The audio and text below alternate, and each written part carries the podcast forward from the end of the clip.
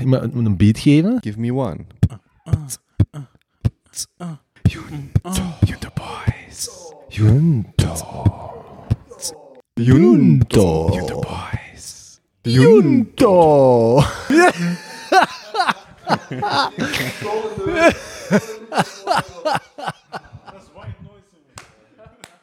ja. Een stroom aan vetlapperij is het dan anders. En we zijn aan het opnemen. Ehm, Zijn de er camera's... dus nog op, of wat? ja, ja, maar het ging over, ehm, over ehm, die Friends remake. Die wat? Die Friends remake. Ah ja. Toch? Een stroom aan vet, vetlapperij. Ja, ja, ja, ja, ja. Echt, het is al begonnen of nog niet? Hij is terug! The Return of the Pasha. De subsidies eh moeten Ja. opnieuw aangevraagd worden. Ja, ja, ja. Dus, ehm, dus, dus ehm, dat is het probleem van eh, die kwartalen. Dus kwartaal 3 komt eraan, 1 juli. En de deadline was ehm 1 juni, een Ja. maand ervoor. Ja, En nu dat de bitcoin zo slecht doet, moet ik eh, ja, er terug bij gesprongen worden. Hè? ja absoluut. absoluut. Ehm, De pot moet gespekt Ja, worden. dat is waar. ja. Ik, ik zou bijna uit het raam gesprongen zijn, maar eh, dat gaat enkel op keep. Dus, eh ja, for me, hè. Ja. De beste meme is wel zo... ehm, ik, I would jump out of the window if I wasn't living in my parents' basement. Ja, ja, ja. Maar dus, Pasha, wanneer zeg je verjaard? Verjaard, Ja? 14 november. 14 november. Dus je zit nu eigenlijk een dik half jaar in de Bitcoin Club. Ah ja, Bij inderdaad. jouw verjaardagscadeau. Wat zijn uw ervaringen tot nu toe? Hoe, Ik heb, hoe eh, ervaart je dat? Ik heb eh, eh, bloed, zweet en tranen. Ja, mooi. Ja. En eh, vooral tranen. eh, ja, vooral veel traantjes de laatste tijd. Want het is, ik weet niet wat er aan de hand is. Jullie zeggen altijd dat, dat ik daar rijk van geworden. Ik zeg niks. Christine Lagarde heeft gezegd dat dat slecht is. Dus ik heb zeg niks. Ik, ik, heb, ben 30 jaar en ondertussen heb ik nog altijd niet geleerd dat ik niet, niet mee moet doen met de groep. En ik ben altijd zo vatbaar voor zo van die witte gasten die van alles komen vertellen. Is dat omdat je erbij wilt horen? Ja, ik wil er altijd bij horen en ik, Ergens. ja, ik Ergens zoek echt bij connectie. Hmm. In dit geval ja, is dat e- financieel is dat echt een ramp. Dus, eh, Ik weet niet wat er gebeurd is, maar goed, jullie hebben waarschijnlijk vorige podcast erover. Maar hoe kan dat voor je financieel ramp zijn als je dat allemaal hebt gekregen? Omdat ik, omdat ik elke... eh, dus dat is heel speciaal. Zo geld krijgen Uh-huh. is...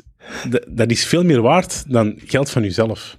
Hmm. Dus elke euro die ik daar heb ver- verloren, is een stuk van mijn ziel Mm. die mee door jullie wordt naar beneden getrokken. Mhm. Oké, mooi. Ja, dus ik zie daar wel vanaf. Maar eh, ik wil het niet over bitcoins hebben, maar komt dat terug goed of niet? Nee, je moet eh, Luna kopen. dat, dat gaat terug stijgen. Nee, oké, maar het is, wel, het is wel leuk om je terug te zien. Ja. Want, ehm allee, eh, behalve die subsidies, ehm, Ook, ook leuk, hè? Subsidies zijn ook leuk. Maar, maar dat je erbij bent is ook wel Ja. Waar, ja. hartverwarmend. Ja, ik vind het ook leuk. Ik heb jullie wel gemist. Er was altijd zo een, een, een leegte aan de tafel. Ja? Ja. Mist, voelden jullie dat als ik er niet ben? Fysiek, ja. Ah, fysiek. Mentaal, Ook. eh, eh, eh, spiritueel. Ah, ja? Ja, ik vond al. Wist ik er nog één komen? ik vond, nee, nee, ik heb, allee, Koben is, mij al heel tijd, sinds dat hij mij heeft gezien, ik weet niet wat er aan de hand is, maar hij is mij al heel tijd aan het uitdagen. Dus ik kan eens even knuffels geven. want Ik heb geleerd dat ik met Mm. Gewoon liefde moet geven, en die gaat daar even slecht van, en daarna komt dat terug. Ja, ja, ja. Als ze me aan dat dagen is, wil hem eigenlijk Ja. gewoon liefde Ja. krijgen. Eigenlijk 80% van de dingen dat Kobe doet, is liefde vragen. Ja, dat is echt, Basha plagen is liefde dat vragen. is echt waar. Absoluut. Ik heb geleerd dat ik dat even moet doen, dan bij u moet je wel aantrek afstoten, dat werkt. Mhm. Is het zo? Aftrekken afstond? Ja, dat, ja. Maar dat was eigenlijk echt laag. ik moet nog even terug wennen dat we aan het opnemen zijn, sorry. Ja. Hoe lang is het bij jullie geleden? Toch twee weken gewoon, of nog langer? Wat, wat bedoel je? Aftrekken en afstoten? Gast, gast, wat is het probleem? Allee, vertel eens over Erica Lust. Allee, ja.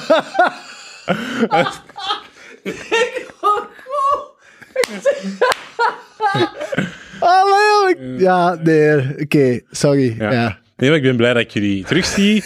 En ehm, wat hebben jullie allemaal gedaan zo zonder mij? Ja, ik weet niet wat ik nu nog moet zeggen. Ik heb, ehm, ehm, ik heb mij opgejaagd. Nee, ik, heb, ik had eigenlijk een heel mooi moment en, een, en, en, ook een minder mooi moment deze week.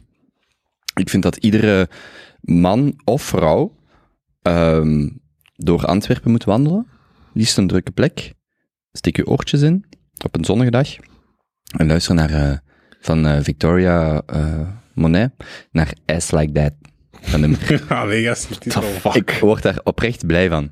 blij. Ja, dat is eigenlijk een positief nummer. Daar spelen. Dat gaat, dat gaat over de schoonheid van eh, investeren, moeite doen. Yes, like that. Ehm, We beginnen aan de notities, show Ja. notes. As like that. en Ja. toen, ehm, toen kwam ik, eh, dus, dus ja, is wat, ik kan, ik kan daar echt blij van worden. ja, vertel maar. Ziet je mij al wandelen door de stad? Zo een beetje zo mm, aan het En hoe komt je aan deze liedje? Dat is toevallig in mijn feed voorbij gekomen. Worden wij nu niet offline gehaald? Jawel, waarschijnlijk. Zet dat eens af. Ja? Ja, offline niet, of wel. Eh, whatever. En ehm, in ieder geval, As like that, zeggen. ja, het is een fijn nummer om zo door de stad te wandelen en gewoon rond te kijken. Ja. Zowel voor mannen als voor vrouwen trouwens. Ehm dat ge- geheel terzijde. Eh, er is al een stukje klaar van het nieuw eh, ehm, eh, park aan de Vlaamse Kaai, het eh, Central Park van Antwerpen. Publiekelijk Ah, toegankelijk. Publiek, ja, het Ah, laatste derde. Aan de, de Jan van Gentplaats. Ah, ja. Of de Gentplaats, of hoe heet dat daar. En ik kwam daar voorbij. En ik, ehm, ik zag dat ze een naam zoeken, nog voor het park. Dus het park heeft nog geen officiële naam. Een beetje gelijk ze dat met baby's in IJsland doen. Die krijgen pas na een half jaar of zo een naam. Ze doen het ook met dat park hier. Wat ik eigenlijk een heel leuk idee vond. Het enige probleem zijn de drie mogelijkheden waarop je kunt stemmen. Ja. Eén naam is het Scheldepark. Of één mogelijkheid. Een andere is het Schipperspark. Schipperspark. Schipperspark. En een derde is het Zuidpark. nu kijk, ik zelf vind het Zuidpark een prima naam. Het Scheldepark, nadat je net vier parken aan de fucking Schelde hebt aangelegd in Antwerpen, wie noemt dan een park op het Zuid het Scheldepark? Dat is super vermoeiend, alsof het Vondelpark ineens in Amstelveen ligt. Dat gezegd zijnde. Het Scheldepark, ehm, het eh, Schipperspark, hoe, wat is dat? Dus na het Schipperskwartier gaat je nog een wandeling kunnen of zo in het Schipperspark. Zo, waarom het Schipperspark? Dus een oproep. Het is op parkzoeknaam.be, maar zoekt zonder OE, want dat is ook handiger of zo. Gewoon park CKT-naam. Stem gewoon voor Zuidpark. Voor die ene idioot die niet doorheeft dat dat de enige deftige naam van die drie is voor dat park. Want ik zweer, als dat Scheldepark of Schipperspark wordt, Voor ons te komen. eh, dat, dat, kijk, ik verkoop mijn drie appartementen en dat park. En, nee, nee. Maar ik vind Zuidpark vind ik echt nog wel mooi, herkenbaar. Maar Scheldepark en Schipperspark, ik kan er niet bij wie dat, dat verzonnen heeft. Oké. Oké. Dus, hè, dus ik ben aan het wandelen, na, na, na, na, na, na, na, Ja, aan het like glimlachen, en dan kom ik voorbij daar en dan denk ik, oké. En ehm well, ik heb nog wel een paar updates, maar... Maar eh, misschien moeten we eerst even, eh voordat we er in de, in de induiken, een beetje housekeeping doen. ja, ja. Allee, kwestie dat we toch een beetje structuur hebben. Hè? Zeg, hoe was uw... eh, Ik heb hier drie punten staan. Eh, het eerste is misschien iets minder nieuws. Ehm, maar onze live show van volgende week. We gaan die moeten verzetten. Het is zomer. Het is een verlengd weekend. Ja. Er was heel veel te doen. Ja. Dus er zijn wel wat inschrijvingen.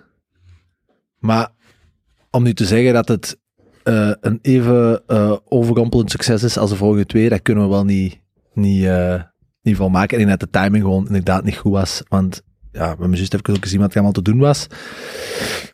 Dus we gaan dat gewoon moeten verzetten. Ehm, we zullen de mensen die daar ingeschreven zijn daar nog over contacteren. En we zullen een nieuwe datum ook nog opnieuw bekendmaken van zodra als dat hem gekend is. Yes. Het zal waarschijnlijk ergens in september zijn. Ja, of misschien nog ergens een open tuin, ergens in de zomer, maar dat zullen we nog wel eh, laten weten, hè, Ah. afhankelijk van wat. Ja, Hoeveel volk was er de vorige keer?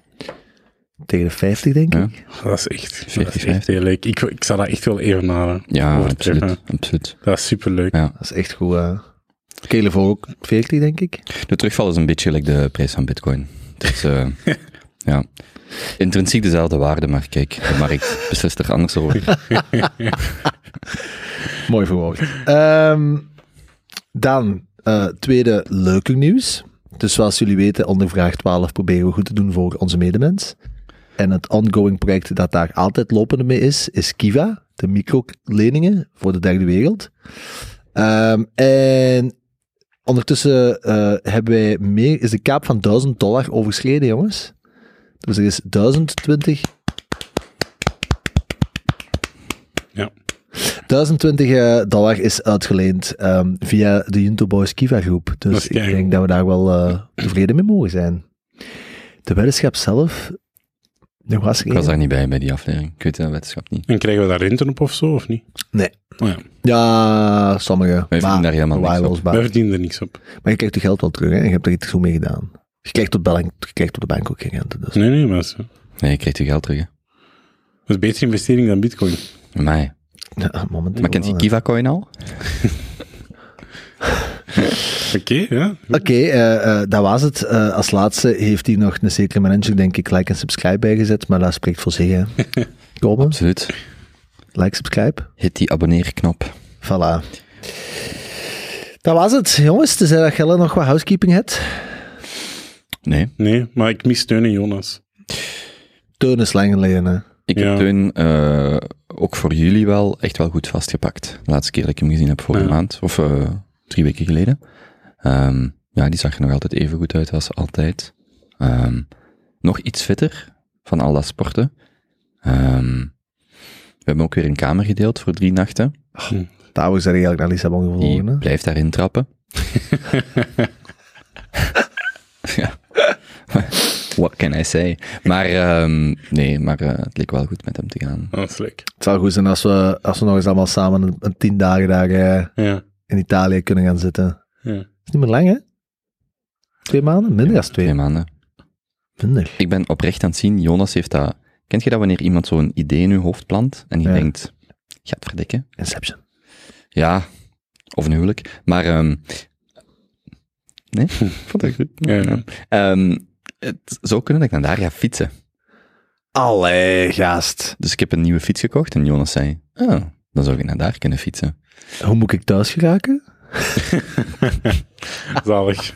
Ja, dus ehm ben nog een beetje aan het zien of dat, want dat zal wel binnen twee maanden zijn en dat is effectief 1400 kilometer, dus Dat gaat wel, hè.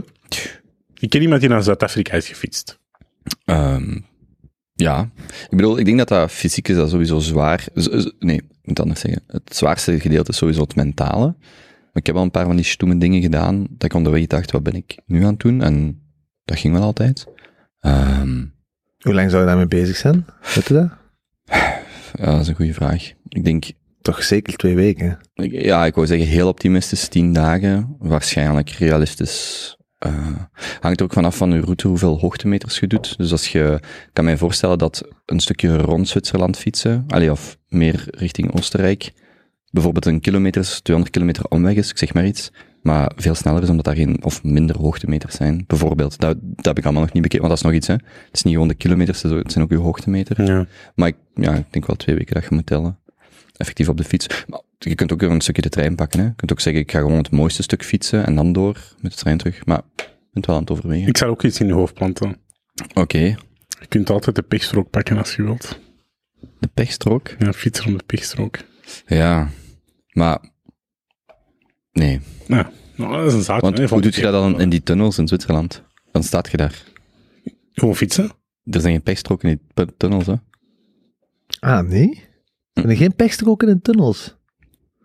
Er zijn zo van die uitkappingen zo waar je in kunt parkeren, maar Ja. de Gotthardtunnel en zo, dat is geen pechstrook, hè. Dat is gewoon één rijvak.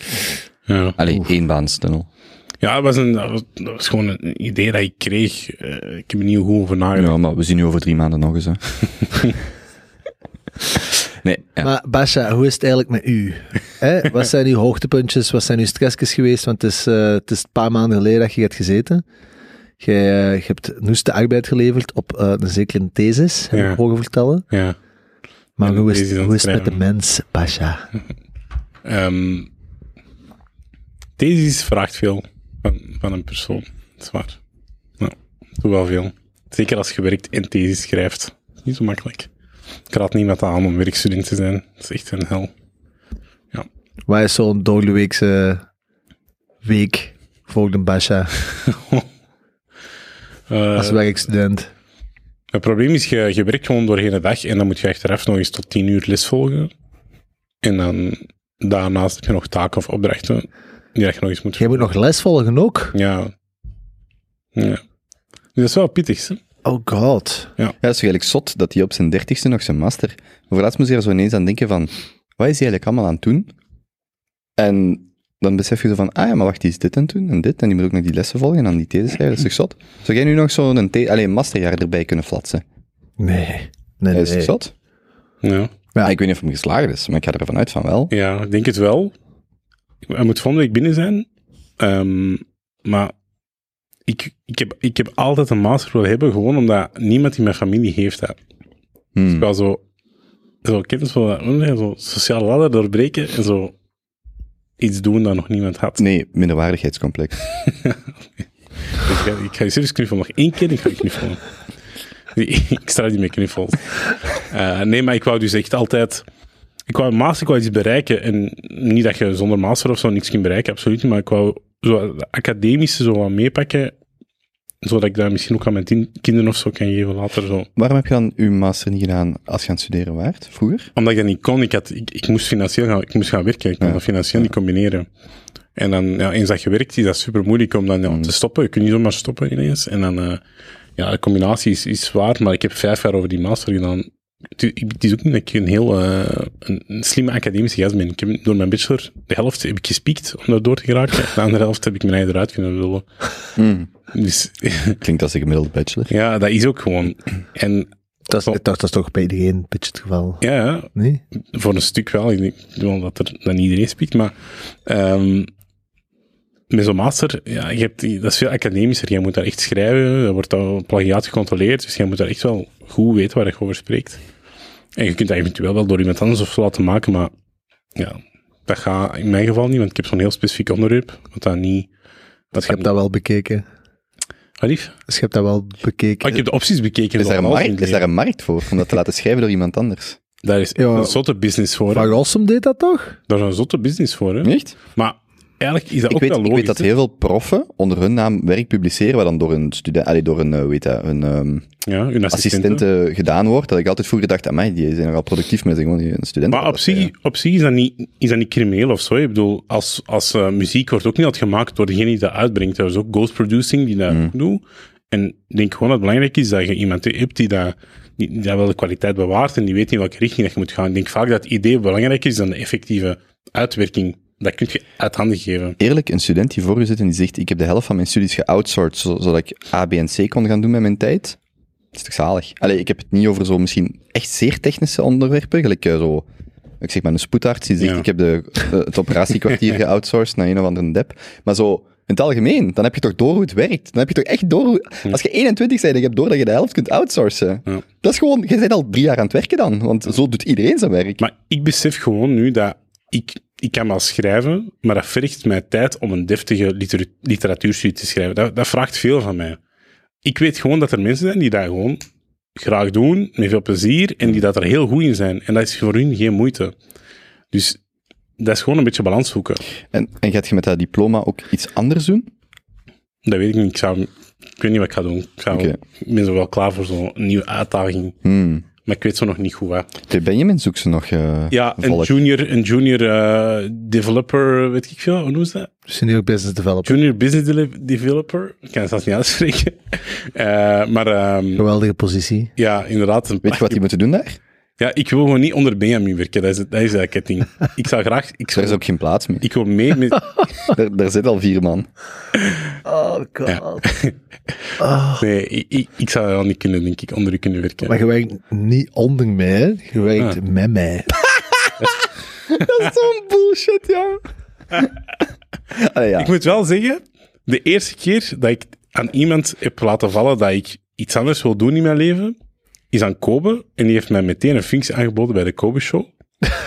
Hey, Recht. Ik kreeg direct, Echt? know your support group. Young Jamie. kreeg Zeker. een, Young Basha. een werkvoorstel. Heb je die hier al zitten? Dat is wel goed, hè? Ehm, ja, maar het was echt pure slavenarbeid. Dus ik zou je niet echt zitten als ik... eh, Ja, dat gaat een aria voor je zetten. hè. ja, inderdaad. Dat is, dat is niet maar een reflex. Oh, iemand zoekt een job. Kom, ik weet nog wel iets. Hey, sinds ik de acht criteria om je Belg te voelen eh, twee weken geleden in de krant heb gelezen. Heb je dat zien voorbij Ja, ik heb dat gezien. Ik ben echt het lijstje met mijn vrienden afgegaan. Hè? De- een goede vriendin van ons zat lang, maar ze, ze was niet aan het opletten. En het kwam op het nieuws in de auto. En, eh, en ik echt zo... "Hmm, nee, Ja, nee, maar ze had het helaas niet door, anders was dat een heel grappig moment geweest. Maar, ja. Wat zijn de acht criteria om je Belg te voelen? Ja, wat was het? Staatsburgerschap Ja. hebben, de taal spreken, onze, onze wetten en normen respecteren. Zo, zo waren het acht dingen. Ehm, en die waren dan zogezegd gerangschikt op het allerbelangrijkste. En ik dacht, er was aan de gemiddelde Vlaming of Belg gevraagd, wat zijn voor u de belangrijkste Ja. criteria op dat iemand een Belg of zo is? Hm. En dat was het belangrijkste, denk ik, eh, dus die wetten, waarden en normen respecteren en de wetten, of, het, of ons systeem. En dan de taal spreken, taal. denk ik. Hè? Ja, de taal was het allerbelangrijkste. Ja. Ja. Ja. Allee, ja. Kan ermee door, hè. Ja, Savan nog, denk ik, hè? Voel je, je voelt u toch Belg, niet? Jawel, ik voel mij Belg, maar Ah. Ik moet wel zeggen, ik voel mij niet helemaal Belg. Ik voel mij zo Belg tot een bepaald punt dat, Hmm. dat het goed is. Maar andere stukken zoals warmte en koken en eten en familie, zo dat stuk, daar voel ik mij zwaar Libanees in. Ja. Ja. Zeg maar, dus het hele thesis-aspect, is dat je Ja. hoogtepuntje of is dat je stressje? Nee, dat is, dat is mijn hoogtepunt. Maar, Omdat dat klaar aan het geraken ja, is. maar ik heb wel een graaf verhaal dat ik wil vertellen over mijn thesis. Oké, Mag ik dat doen? natuurlijk. Oké. Pasha, het is, het is maanden geleden. Just, En ook, we kunnen er altijd uitknippen, hè. Oké, vanochtend maakt, maakt schuld. dus Pasha is nu onderweg naar Kobe. Kobe heeft zijn gekneusde ribben in ondersteuning en die wordt echt zeer intens geknuffeld. Oké. Ik ga mijn flauwekul voor mij houden. Dat staat, dat staat op camera, jongens. Oké, vertel uw verhaal. Ik kan niet wachten. Oké. Ehm, het is, eh, het is, ik kan niet alles vertellen, dus het kan zijn dat er stukken uitgeknipt moeten worden door Kobe straks. Omdat, en het is echt waar, het is een, ehm, een eh, het is eigenlijk een beetje staatsgeheim. Staatsgeheim. Ja, het is eh, echt waar. Wow. Wow, wow. Nee, nee. Ehm, dus wat ik heb gedaan is, eh, binnen mijn thesis, ik ga die niet uitleggen, maar ik ga wel kaderen dat ik veel rond politie heb gedaan en rond politietechniek en opleiding. En ik heb de kans gekregen om de BDO-opleiding van de politie te volgen. BDO staat voor Behavioral Detection Officer. Heb je daar iets van gehoord? Behavior Detection Officer. Ik dacht, wat dacht jij? Je, had, je moest al knuffelen. Zeg het maar. Ik dacht, dat is Benjamin zijn job. Die kijkt rond op zijn kantoor en die ziet dit is de behavioral. Oké, dus BDO. Ja, oké, Behavioral Ja. Detection. Dat is, een, ja, dat is eigenlijk een, een techniek die is ontstaan uit, uit, ehm, in Israël. En eh, die technieken zijn geheim. Die worden niet, je kunt die niet rechtstreeks terugvinden. Die worden doorgegeven aan politie, veiligheid, staatsveiligheid en security diensten. En dus dat is ontstaan in Israël omdat ehm, ze verdachte gedragingen of mensen die verdacht gedrag plegen eh, willen detecteren. Een paar jaar geleden, of eh, een dertigtal jaar geleden, ehm, op de luchthaven in Israël is er een, ehm, een soort van dreigement geweest vanuit, eh, vanuit de terroristische aanslag, terroristisch dreigement vanuit de Arabische wereld. Dus wij hebben het op de luchthaven gedaan, de Israëli's hebben alle Arabische mensen op dat moment die de luchthaven passeerden, ehm, gecontroleerd. Dus elke Arabier dat er passeerde werd gecontroleerd door, door de veiligheidsdienst op de luchthaven dat zorgde voor één chaos, maar ten tweede zorgde het er ook voor dat iedereen die gecontroleerd werd en die dat een beetje verdacht was, niet werd toegelaten in Israël. Dus dat, dat, dat was echt een hele heisa, dat is niet evident. Maar dus ja, er was een reële dreiging. Ehm, verschillende staatsveiligheidsdiensten zeiden van oké, er wordt een aanslag gepland, dus je moet ermee oppassen. Ja, Israël neemt dat serieus. Ehm, wat gebeurt er? Er komt een, ehm, een groep van Chinezen aan op de luchthaven en die zien er niet Arabisch uit, dus wat, wat gebeurt er? Die mogen door. Op dat moment ontploffen Gewoon er, los, door. die worden doorgelaten, en niet gecontroleerd. Op dat moment ontploffen er verschillende bommen in, eh, in Israël, in de luchthaven. Een groepering vanuit, eh, vanuit eh, China, ik ken de naam niet van buiten, is geallieerd aan Arabisch extreem islamitisch netwerk. En die hebben dus een, een aanslag gedaan voor de Arabieren, omdat die, al, die, werden, die wisten van ja, wij worden zo gecontroleerd. Dus die hebben eigenlijk Hmm. Aziatische mensen naar de luchthaven gestuurd om daar bommen te laten ontploffen. Dat is voor Palestina dan. Of ja, zo. inderdaad. Ja. En wanneer eh, was dit? Ik moet dat eens opzoeken, ken de details niet van buiten. Spreken we jaren geleden of decennia Nee, geleden? tien jaar geleden. Denk 30 of 40, misschien 1970 of zo. Of niet. Oké. Ja, heel die Yom Kippur, Kippur eh, periode misschien. De Rode Panda's of zo. De, de, ik weet niet hoe dat die organisatie juist, eh, ik ken de naam niet. Maar Klinkt plausibel. het interessante is dus, oh, eh, super erg, maar het interessante is, Israël heeft daardoor beseft dat die dus niet meer kunnen gaan focussen op etniciteit. Die kunnen niet meer gaan zeggen, alle Arabieren zijn mogelijk, zijn mogelijk gevaarlijk. Hmm. Die, kunnen, die kunnen dat niet meer zeggen, want iedereen kan op dat moment mogelijk gevaarlijk zijn. Dus die hebben gezegd van oké, we moeten heel ons defensiesysteem helemaal gaan omzeilen en veranderen. En die hebben gezegd, we gaan ons focussen op gedrag van mensen. En dus niet meer op, ehm, op etniciteit. Wat dat, eigenlijk een, wat dat eigenlijk ook hoort. Je moogt gewoon niet eh, eh, discrimineren op basis van etniciteit, maar dat wordt gedaan. Ook nu zien we dat. hè. Eh, een aanslag in Zaventem, waar iedereen daarna die een baardje aan had, dat was ineens potentieel een terrorist. Ehm die was supergevoelig. Maar eigenlijk moeten we gaan zien wat gedrag doet. En op basis van gedrag kun je echt afleiden of dat iemand verkeerde bedoelingen heeft. Dus daar is een techniek voor ontwikkeld om dat dus te gaan testen. Dus wat dat verdacht is, welk, welk gedrag verdacht is of welk gedrag afwijkend is. En daar is een hele techniek rond en dat is dan in Nederland geïmplementeerd. En eerst, van, eerst van Israël naar Amerika uiteraard, van Amerika naar Nederland en sinds kort in België. Wacht, en het zijn mensen die getraind zijn? Want ik was net aan het denken, zijn het misschien algoritmes of camera's, maar in die periode zal dat allemaal minder. Dus ze zijn effectief mensen die security zijn of aan Ja. de toegangscontrole staan, Ja. die, of al anoniem al dan niet, die Ja. een zeil houden. Ja, inderdaad. Die, die techniek, ik weet niet of ik die helemaal kan uitleggen, want dat is echt eh, vertrouwelijk. Maar dus ik, die opleiding duurt drie dagen. Dat is een vrij intensieve opleiding. Ik heb die dus mee mogen volgen een maand geleden, eh, sorry, drie weken geleden in Zaventem. In Zaventem. Ja, waarbij dat wij dus echt effectief echt mensen controleerden en echt, echt operationeel werkten. Ja. Dus met een groep van 15 man, zowel in burger als in uniform, gingen wij verdachte gedragingen controleren op de luchthaven aan de hand van die techniek. En waarom mocht je dat volgen? In het kader van mijn thesis eh heb ik daarvoor toelaten. Waarover gaan we een thesis? Over etnisch profileren bij de politie en over Ah. opleidingen die daartoe bijdragen. Maar dat is wel cool, ja. Of het dus tegen etnisch profileren, als iets. Dus, eh, Voor etnisch profileren. dus ik heb verschillende opleidingen gevolgd, waaronder die BDO, waar, dus Behavior Detection Officer, waar, dat ik, waar dat echt ongelooflijk graaf is, wat eigenlijk ja, elke politieagent zou moeten krijgen, maar dat niet gebeurt. Dus eh, een prachtige opleiding en eh, ik heb er veel van geleerd. En ja, ik zou die heel graag willen uitleggen, maar Dat je mag moet dat toch niet. iets uitleggen. Nou, ik kan niet veel zeggen. Ik, ik, ik- ja, Maar dus nu kunt jij nog beter inschatten wie ehm, aan de hand van gedrag, wie, ehm, eh, hoe zeg je dat? Ehm, verdacht of afwijkend is. ja, bijvoorbeeld. Ja, inderdaad. Maar jij had daarvoor toch ook al... Ja, dus dat was echt wat Daarvoor was hij micro-expressie-koning, Hm. maar nu is hij BDO. Dus die micro-expressions, wat ik wel kan uitleggen, is aan, aan de hand van zenuwachtigheid. Mannen bijvoorbeeld gaan rapper hun hals aanraken, eh, hun, hun nek van achter, vrouwen van langs voor bijvoorbeeld. Je kunt daar zien of dat iemand zenuwachtig is. Je kunt dat, je kunt dat echt zien, of iemand liegt, hoe dat iemand zich voelt.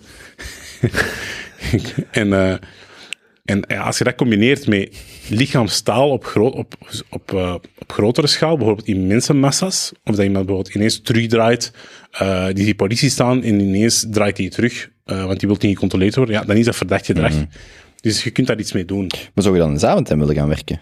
Als BDO. Nee, absoluut niet, maar dat zou een grave job zijn, maar dat is maar een onderdeel van heel politioneel werking, maar dat is wel graaf. Ja. En je zegt dat dat een mooie opleiding is, omdat dat verder gaat als etniciteit. Dat kijkt eigenlijk gewoon naar iedereen. Huh, er- het interessante is, van, je ziet daarmee verschillende politieagenten en je denkt, die gaan al die, gaan al die Arabieren controleren.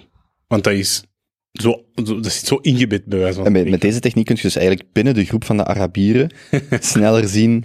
En nog één keer, ik kom nog eens knuffelen. Hè. en, eh, dus, Dus jongens, we gaan eerst etnisch profileren en dan, en dan gaan we naar gedrag kijken. dus, eh, nee, dus je kunt daar echt, eh, je kunt daar echt van, als je die techniek volgt, je kunt dat trouwens maar 45 minuten doen, dan zit jij Echt? ja, 45 minuten en dan moet jij stoppen, omdat je dan echt bekaf bent. Hoe lang kunt je fouilleren? Oké, ik ga stoppen. Genoeg flauw om op. Het is echt... Ik had dat wel goed. Sorry, sorry. Oh, oké. Dus, eh, Maar, maar dus, ehm, en is dat dan verwerkt in uw thesis? Ja, dus dat uw, wordt- uw ervaring of die studie, allee, of die opleiding en de Ja. resultaten van die studie? Er Van worden die- verschillende opleidingen bekeken die politieagenten krijgen. En in mijn thesis beschrijf ik welke opleiding interessant is en welke minder. En welke dragen iets bij tot een minder discriminerende aanpak. is toch bijna de commissaris van Antwerpen dat hier spreekt, hè? Ik vind het enorm fascinerend. Ja, Wat is uw conclusie? Ja die moet ik nu hem aan het volgende week- uitschrijven. Die was ik, voor, die was ik eh, een uur geleden voordat ik hier toe kwam aan het uitschrijven. Ja, maar we moeten hem volgende week indienen. Je weet toch naar waar thesis aan het leiden is. Ja, dat er werk aan de winkel is. Hè. Eh, ja, opleidingen zitten... Wordt er hier etnisch geprofileerd? in België. Robbe, ik heb je geïnterviewd voor mijn cases. Dat jij zei het onderwerp waar het over Jij bent geïnterviewd. Nee, nee, maar er wordt etnisch, natuurlijk wordt er etnisch geprofileerd. eh, ja. Vooral. Oké. dus- Ah ja, ja, nu weet ik wat je bedoelt. Maar, maar, hmm. oké. eh, ik Maar ga ik het deze gebeurt... uitdrukken zonder dat ik op, op, op teentjes ga trappen. Maar Oh, ho, projecteer het op jezelf. Wij worden ook etnisch geprofileerd als wij Israël of China of Nigeria of Brazilië binnen. Nee, waarom? Oh, Als jij Israël binnenvliegt, word jij dan sowieso tegenhouden. Nee, nee, nee, nee, geprofileerd. Niet, te- niet per se tegenhouden. Sorry, als ik eh, door TSA moet in Amerika, ik voel mij niet minder bekeken als iemand. Ik zeg niet dat, dat, er, eh, dat wij effectief er meer of minder, daar weet ik niet de cijfers van. Maar ik voel mij, daar hou ik ook mijn grote mans. hè. Maar jij wordt, ge- jij wordt bekeken, je wordt geanalyseerd, maar je wordt misschien tegengehouden en eruit gehaald. Ja, ja, maar ik wil zeggen, er zijn eh, plekken waar dat... ehm, omdat ik kan me al voorstellen wat in zijn sicko mind overgaat, maar je kunt het ook gewoon op jezelf projecteren, waar dat wij de minderheid zijn. nee, wat ik wou zeggen is... ehm, ja, ik, fuck it. Ehm, maar dat mag niet. Ik ben het daarmee eens. Ja. Dat Maar. klopt. Maar... In de campen. Nee, nee, Daar maar... begint het als de bron, echt, hè? Maar als je nu, als je, als je, nu- als je nu, en ik weet dat niet, hè, dus ik stel de vraag. Maar als je nu alle ehm, terroristische aanvallen in het Westen, in luchthavens bijvoorbeeld, als je daar de data van gaat opvragen, Ja. En je gaat daar dan inderdaad van gaan kijken, wat zijn de ethische Daar et- de profielen bedoeld. daderprofielen van de mensen die dat, dat doen, heb je daar ook, heb je daar, naar- heb je dat getest, heb je dat gedaan? Ja, ja, tuurlijk. En hoeveel procent is effectief bijvoorbeeld eh, van een bepaalde etnische categorie? was uw intuïtie? Procentueel. Ja, wat denk jij zelf? Ja, dat is een goede vraag. Ja. Ik, ik, ah ja, ik, wel, ik, ik heb er eigenlijk dat mij echt bij staan. Ja, dat zijn er maar een paar. Dat is 9-11, dat is hier in Brussel. Eh, ik in dat station in Portugal, in, eh, in, in Spanje in de Ja, tijd. ja. Waar ik, daar was ik ook nog geweest Londen? daarvoor. Londen, Londen? steekpartij en zo. Maar- ja, maar Londen is bij mij minder. Bataclan? Maar Parijs? Bataclan. Dan heb ik zijn het gehad. Maar zijn- Met 30-jarig leven. Maar je zei vijf terroristische aanslagen aan het benoemen vanuit, vanuit IS eigenlijk. Ja, maar dat weet ik niet. Dat weet ik niet. zijn Ik weet toch niet dat die allemaal zoals- IS zijn. Zoals die... Maar dat zijn de vijf dat ik mij herinner. Maar zoals de, de aanval in Christchurch bijvoorbeeld. In Nieuw-Zeeland. Ja. Mhm. Ah ja. ah. Ja, de Zoals in Duitsland? De Unabomber. Eigenlijk de eerste grote, Ja. I guess. Eh, die eh, in Duitsland onlangs. De Olympische Spelen in München, 72. De, Juist. de Israëlische ploeg. Ah, er zijn er nog wel een paar, maar dat is... Ja, ja. Lang geleden, maar ook, ook binnen dit een tijdspanne van tien jaar. Maar wacht, laat hem vooral het punt maken dat, Ja. dat eh, ethisch profileren Nee, helemaal dat, niet nee, zo... dat punt wil ik maken. is. Maar ik was gewoon van mijn eigen aan het denken. Uiteraard, niemand is daarvoor. Dat is fucked up. Sowieso. Maar ik was tegelijkertijd ook aan het denken, ja, wat zijn de terroristische aanvra- aanvragen, eh, aan, aanvragen, aanslagen? Sorry meneer, je moet daar een ticketje nemen voor een test. Eh, wat zijn de terroristische aanslagen dat ik mij herinner? En wat was de etniciteit van die mensen? Ja, natuurlijk, maar En misschien is dat ook omdat, die, omdat dat bovengemiddeld veel in de media wordt media gebracht. Die aanslagen, dat ik mij die alleen herinner, hè? hm, Waarschijnlijk. hm. Mm, maar dat weet ik dus niet. Daarom dat ik de vraag stel van, heb jij effectief naar de cijfers gekeken? ja, absoluut. absoluut ja. En, wat was de conclusie? Ja. Is er een etnische correlatie? Maar je moet ook gewoon de tijdspannen zien waar je nu in zit. In deze tijdspannen, in deze, in deze paar jaar waar we nu in zitten, wij, is er inderdaad een grote dreiging geweest van eh, extreem rechts, islamitische hoek. Dat is ook gewoon, die aanslagen zijn hier ook gebeur- gebeurd, maar er zijn ook zoveel talloze andere aanslagen die, die ook doorgaan, die inderdaad minder aandacht krijgen, maar misschien niet die impact hebben. Hè? Ja, en Even hoe worden die extreem, extreem rechts, rechts geïnspireerd? maar is ook, ook niet erger dan die aanslagen, het ripple effect naar bijvoorbeeld ordediensten. Al zijn alle aanslagen, bij wijze van spreken, die jij opnoemt, of de grote, zelfs allemaal door, ik weet zelfs niet wat onder etnisch, in die categorie, eh, heeft dat dan, is dat ook religie? Valt er bijvoorbeeld, is een, eh, bijvoorbeeld ehm, islamitisch, is dat, valt dat onder een etnische ehm, profiel? De- ja, natuurlijk, abso- ja, sowieso. Stel, stel, het- stel het zijn allemaal moslims van op- Afghanistan. je kunt toch niet mensen, je kunt toch niet zien of dat ja, Nee, maar in Nee, nee. ieder geval, als, jij Maar- zegt, als je je ogen dicht doet en je zegt wie ziet eruit als een moslim, dan gaat je een bepaald Ja. beeld hebben. Ah, wel, en laat ons Ja, nog boys. zeggen dat al die aanslagen door een bepaalde etnische groep gebeurd zijn, welke dan ook. Dat is één ding. Zou u... Moet jij je pil pakken? Ehm, Dat was slecht. Dat was echt slecht. ik heb in de Ja, week... goed, ik vind wel ik- slecht. Ik vind wel, als je, je moet eens aan vrouwen in je omgeving vragen, wat ze in een wekker zetten als eufemisme voor hun pil. Ik heb in de week nog iets zien staan bij een griet toen ik in Lissabon was. Dus die haar wekker ging om zeven uur s'avonds af, dat hij haar pil moest pakken. En die had er echt iets grappigs staan. Maar ik weet niet meer wat. En dus vrouwen zijn daar ehm, Inventief in. Inventief tot op een bepaalde hoogte. Maar dus wel, ah ja, zwart, je moet maar eens rondvragen bij de vrouwen in je leven die de pil pakken.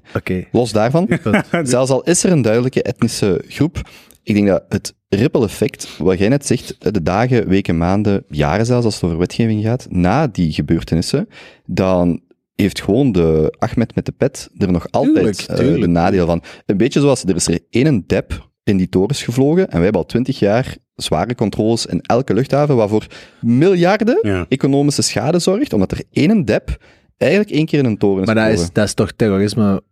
Allee, dat is het Ja, ja, maar dus- van terrorisme, want als je er kijkt, goh, wat is dat? Ik weet niet of dat de Freakonomics artikel was, of waar ik dat ooit in heb gelezen, maar zo de absolute dodencijfers in de 20e eeuw zelfs, of pakt de 21e eeuw er nog bij, door terroristische aanslagen, Yes. dat is, Dat dat is dat is, dat is, dat is niks. Dat is letterlijk niks. Ja. Er zijn meer mensen gestorven door koeien bijvoorbeeld, of door ijskasten, echt zo factor 10.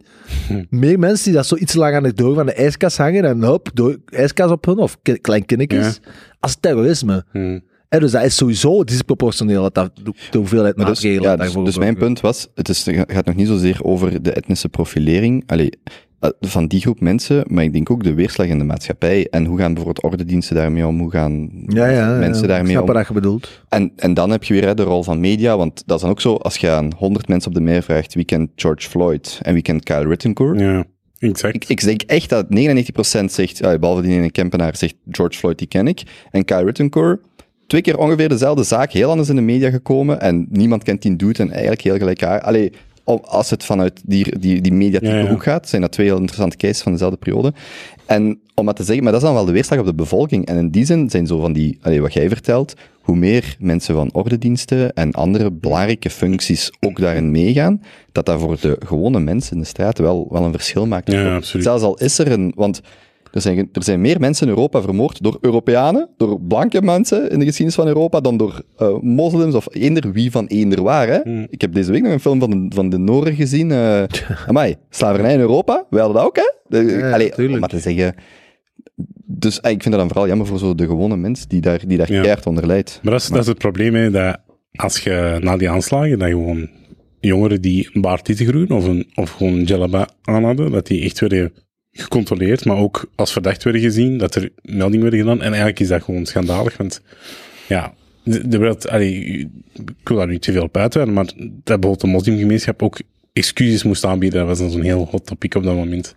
Dus bepaalde, bepaalde mensen zeiden, dan, de moslimgemeenschap moet haar excuses aanbieden voor de aanslagen die gebeurd zijn. Was dat volzevig? Ja, maar dat was op dat moment echt, dat stond op de voorpagina in de krant, dat was echt hot topic. Oké. En ik denk dat we gewoon echt zo, het concept van veiligheid, ik vind veiligheid super belangrijk, altijd. Allee, ik ga dat zeker niet aan, ehm, onderwaarderen, maar dat wordt zo vaak aangehaald als drogreden om toch iets door te duwen, of toch, Tuurlijk. of toch, moet voor de veiligheid. Kijk naar de laatste twee jaar. Dus ja, inderdaad, COVID. En dan denk ik, dat vind ik misselijkmakend. En dat, dat, ja. En dat is de conclusie van uw onderzoek. Hè? Nee, nee, absoluut niet. Dat is geen conclusie. Maar in mijn onderzoek wordt er vooral geschreven... Ik doe geen doctoraat, hè. een thesis, dat duurt zes maanden of zo. Dus wat ik, wat ik vooral concludeer is dat de opleidingen die er nu zijn, en de opleiding van de van politie aan zich, hè, dat die veel beter kan. Ik zal, het daarop, ik zal het daarop houden. Denk je dat hij zich als moslim geviseerd voelt? Ik ben geen moslim, maar... Allee jong, ik knipoog net naar u. Van, Dude, ik heb die fout in het begin drie, vier keer gemaakt. Ik ga dat niet nog eens doen, hè? eh, sowieso dat hij daar was ingelopen. Sowieso niet. Die denkt nog steeds dat jij geen varkensvlees eet. Oh, fuck off. ja, dat is wel waar. Ja. Ik, u gevraagd of je aan de Ramadan ik meedoet. had een bloemkool voor mij als we op eh, weekend gaan. Heb je al ooit varkensvlees van bij hem ingekregen? Nog nooit. Zeven gek. Bijna. Je hebt dat inderdaad wel lang gedacht. Ik heb daar in het begin inderdaad een paar keer uh, aangezondigd, ja. Een beetje etnische profileringsdrang. Ja, zeg. Dat is uh, niet slecht bedoeld, hè. Dat weet ik ook. Maar, uh, allee, dus wel, dus jij hebt um, een coole opleiding gevolgd. Ja, dus ik heb een coole opleiding gevolgd en uh, daar heb ik me mee bezig gehouden. Dus ik zou die heel graag willen uitleggen, maar ik kan het niet doen. Maar misschien zoiets hier en daar zo off-record. Ja, ja, ja. Aan ons, straks. Dus als wij op café zitten en wij zijn zo te lang naar iets of iemand aan het kijken, kunnen we wel vanaf nu zeggen, we zijn onze BDO-technieken van onze maat Jozef aan het testen. Ja, als we in Italië zijn en we zijn zo door een oude Italiaanse, Toscaanse stad slash dorp aan het wandelen, dan kun je zo continu zien hoe dat er hoe dat alles wel in orde is. Ja. En dan zijn we echt continu kapot en moeten we om die kwartier op een terras gaan zitten om te bekomen. Oh ja. nee. Maar dan wil ik mijn uniform van Securitas meepakken en daar gewoon gaan op zijn. Ja. Safety first. Altijd safety first. Had jij stressken ook? Eh ehm, ik, eh, ik, ik probeer een huis te kopen oh, met Joya. Dat is echt een ramp. Het is echt super moeilijk om een huis te vinden. Maar je hebt juist een appartement gekocht. Ja, maar wij willen op termijn iets kopen. Maar een huis. Ja, of iets groter. Maar ik moest dus van Joya in de podcast vermelden. Voor de babbies. Als, ja, als mensen dus iets kopen hebben. Die, Hoeveel, hoeveel babbies ga je al maken? Vertel. Eh, wilde ik zeg altijd, ik zei vroeger, en toen was ik, ah nee, toen was ik een beetje, toen was ik nog jong, ik zei altijd, ik wil er drie, want als ik er eentje kwijtspeel of zo in een bos, dan, En er geen op reserve. ja, Ja. maar, Twee op reserve. Ja twee. Maar Ja, maar hij wil voor twee gaan. ik, wil, eh, ik wil gewoon traditioneel twee kinderen. En jullie, dat weet ik eigenlijk. Jonas heeft daar wel een goed punt op. Heel de wereld is gemaakt op een gezin van vier. Twee kinderen. Auto's, tafels, vliegtuigen, hotels. Vier. Niet vijf. Vier. Dus je bespaart, die derde kost u echt een fortuin. Ja, ja, ja. Ja, ja. Ik zeg, ofwel direct vier, maar drie, dat is echt een, een rot nummer. Bij ons op de cowork was er zo... ehm een een meisje dat bij ons zit, dat is een identieke tweeling. hmm. En dat was een derde en een vierde. Dat is wel schattig. Dat is heel schattig, maar dat is wel voor die ouders. Die hadden er al twee en dan zo, allee, en dan blijkbaar een van de twee was ik zo minder enthousiast qua ouders, maar dan zo, oké, allee, is goed, gaan we een derde. Hmm. Dan had er in één keer twee. Twee is heel moeilijk, hè, want je moet je ook met twee vasthouden de hele tijd. Je kunt de deur niet open doen, je kunt niet... Je moet die met twee borstvoeding geven. Als je een trilling krijgt, dan krijg je blijkbaar ondersteuning eh, een halve dag per... Ja, een halve dag, elke dag voor de eerste zoveel maanden vanuit de overheid. Komt er gewoon elke dag, een halve dag iemand bij u helpen. Oh, zo mooi. Ja. Belangrijk. Ga gewoon niet anders, hè. Hebt drie baby's. Jij wilt toch veel kindjes hebben, binnen, of niet? Dat is eh, het plan, ja. Vijf? Maar hij is aan het slekken, hè? Hij is al 31. Hij moet zijn demografische plicht nakomen. Maar jij moet er toch vijf, hè, of vier? Nee, nee, nee, nee. Vroeger zeg je dat altijd om te provoceren. Hè? Dat doe ik al wel eens. Dus dan Wauw. Wie, wie provoceert je met te zeggen dat je vier kinderen wilt? vijf. Vijf. Iedereen. Ja, Maar waarom provoceren? Oh, oh, ja, dat provoceren. Ja, zo waarom? kot lokken. Maar waarom? Ja, omdat iedereen altijd zegt, dat kan oh, vijf kinderen. knip deze er alsjeblieft uit. Kom, knip deze. Dat moet er echt uit, dat is echt vies. dat was er over, hè. Vetzak. Oké, oké. Dat moet ik uit. Noteer dat. Ja. Ja, ik- oké. Hoeveel, hoeveel staan we? Ehm, Ik weet het wel ongeveer. en dan vanaf daar moet ik er terug in. Dus Komen heeft nu juist iets gezegd dat we geen moeten dat knippen. Ja, dat is- Ehm, ja, dus... eh oh god. Ehm, ja, dat was altijd het plan. Dat is nog altijd... Ik, zei, ja, ik kom uit een groot gezin, hè. We waren op een gegeven moment met vier kinderen. En je dat ook altijd met dezelfde partner? Ja, dat is toch altijd wel doel, nee? Ja, ik weet niet. Als je echt zegt, ik wil... Niemand zegt toch niet, ah ja, ja, ik wil er wel vier, maar ik ga ervan uit dat dat met drie verschillende partners is. ik, Nee, ik snap, ik snap ook zijn vraag. Kijk, ik ken, dus, dus wij hebben veel meer eh, begrip voor mensen die zeggen, ik wil geen kinderen. Allee, de mensen die dat zeggen, zullen waarschijnlijk zeggen, er is helemaal niet zoveel begrip voor. Maar als je dat zegt, dat is nog zo'n beetje bon ton, want ik wil geen kinderen en ça va, you do you. Maar stel nu dat je zegt, ik wil zoveel mogelijk kinderen, die positie is toch veel moeilijker Ja, te ja, ja, verdedigen. ja, ja. dat jij nu gewoon zegt, ik vind, puur vanuit een oh, wauw, uw standpunt is. Ja, want die discussie wordt heel snel heel moeilijk, want wie is er voor die kinderen, bla bla bla. Maar stel dat jij gewoon zegt, ik vind dat prima om met meerdere, om op mijn dertigste twee kinderen te hebben met die, en dan, eh, als het zo moet lopen, dan loopt het zo, prima, ik heb daar geen probleem mee. Ik zal het zo zeggen. Ja. Ik zou het erger vinden om te eindigen zonder kinderen, als te eindigen met vier kinderen bij drie verschillende partners bijvoorbeeld. Dat wel. Daar zijn ik wel, denk ik, Hmm. daar zijn ik wel over uit. Wat is uw limiet van op deze leeftijd wil ik echt een klein hebben? Al minstens eentje? Want je, één, je moet nog iemand leren kennen, je moet er nog bezwangeren. en die moet nog... Die moet nog- 40 of zo. Ah, oké. Ja.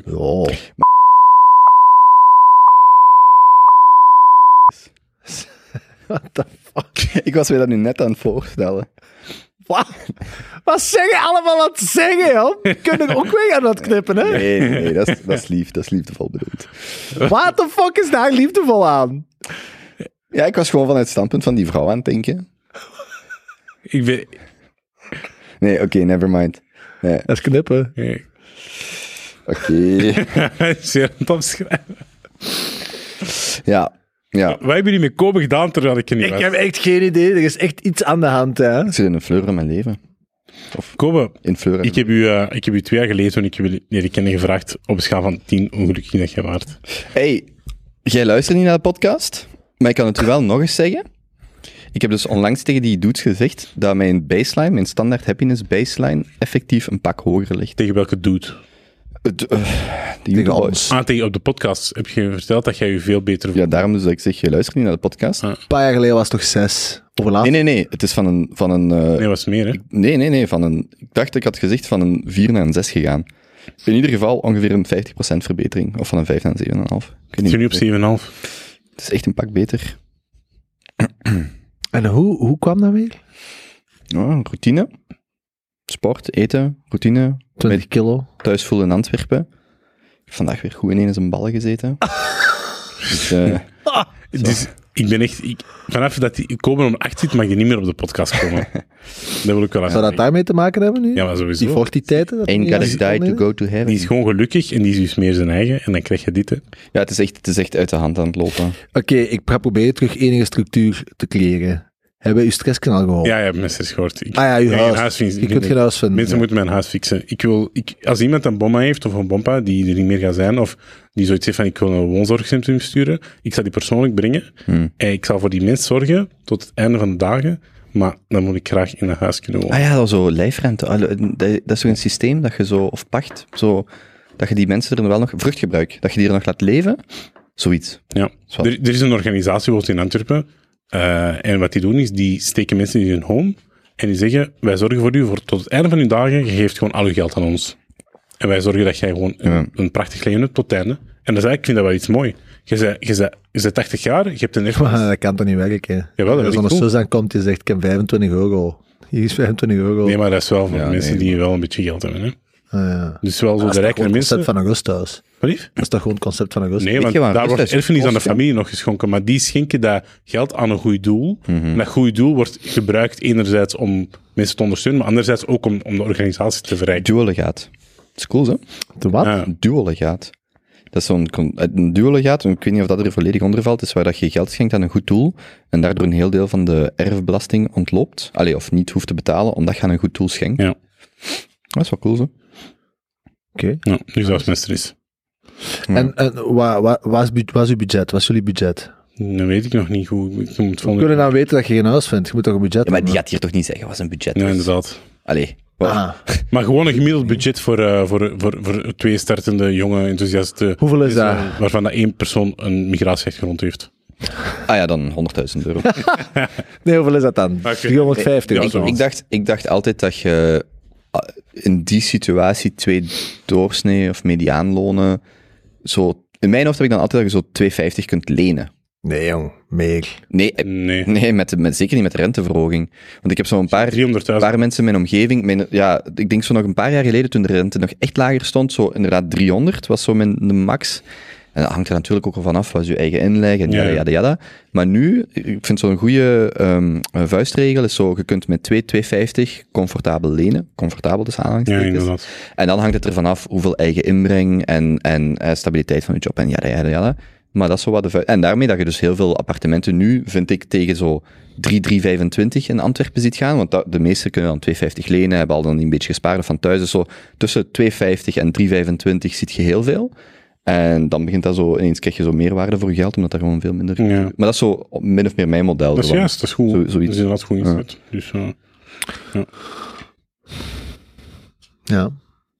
Maar eh, ik was er laatst met een architect aan het spreken en die zei vroeger, dus die sprak toen ze begon met de praktijk, ehm, dus 20 jaar geleden, die was 20 jaar architect, die zei als er vroeger bij ons een koppel langskwam en die zei wij hebben 300 tot 350.000 euro, ten eerste sprak van 300. Eh, maar die, die is actief in Westerlo, Hm. Kempen. Hè? Ehm, die zei, oh, 300.000 euro. En dat was dan voor het huis te bouwen ja. eh, inclusief de grond, denk ik. Dat was dat. Oh, In de amai, Kempen hier kunnen we, ja, ja, maar hier kunnen we nog eens iets mee doen. Ja. Hè, dan hadden ze budget als architect om Hun eigen te iets meer gaan. creatieve vrijheid te hebben. Hm. Ja. Ehm, vandaag zei ze, dat is 20 jaar later, zei ze, dat begint nu vanaf 500.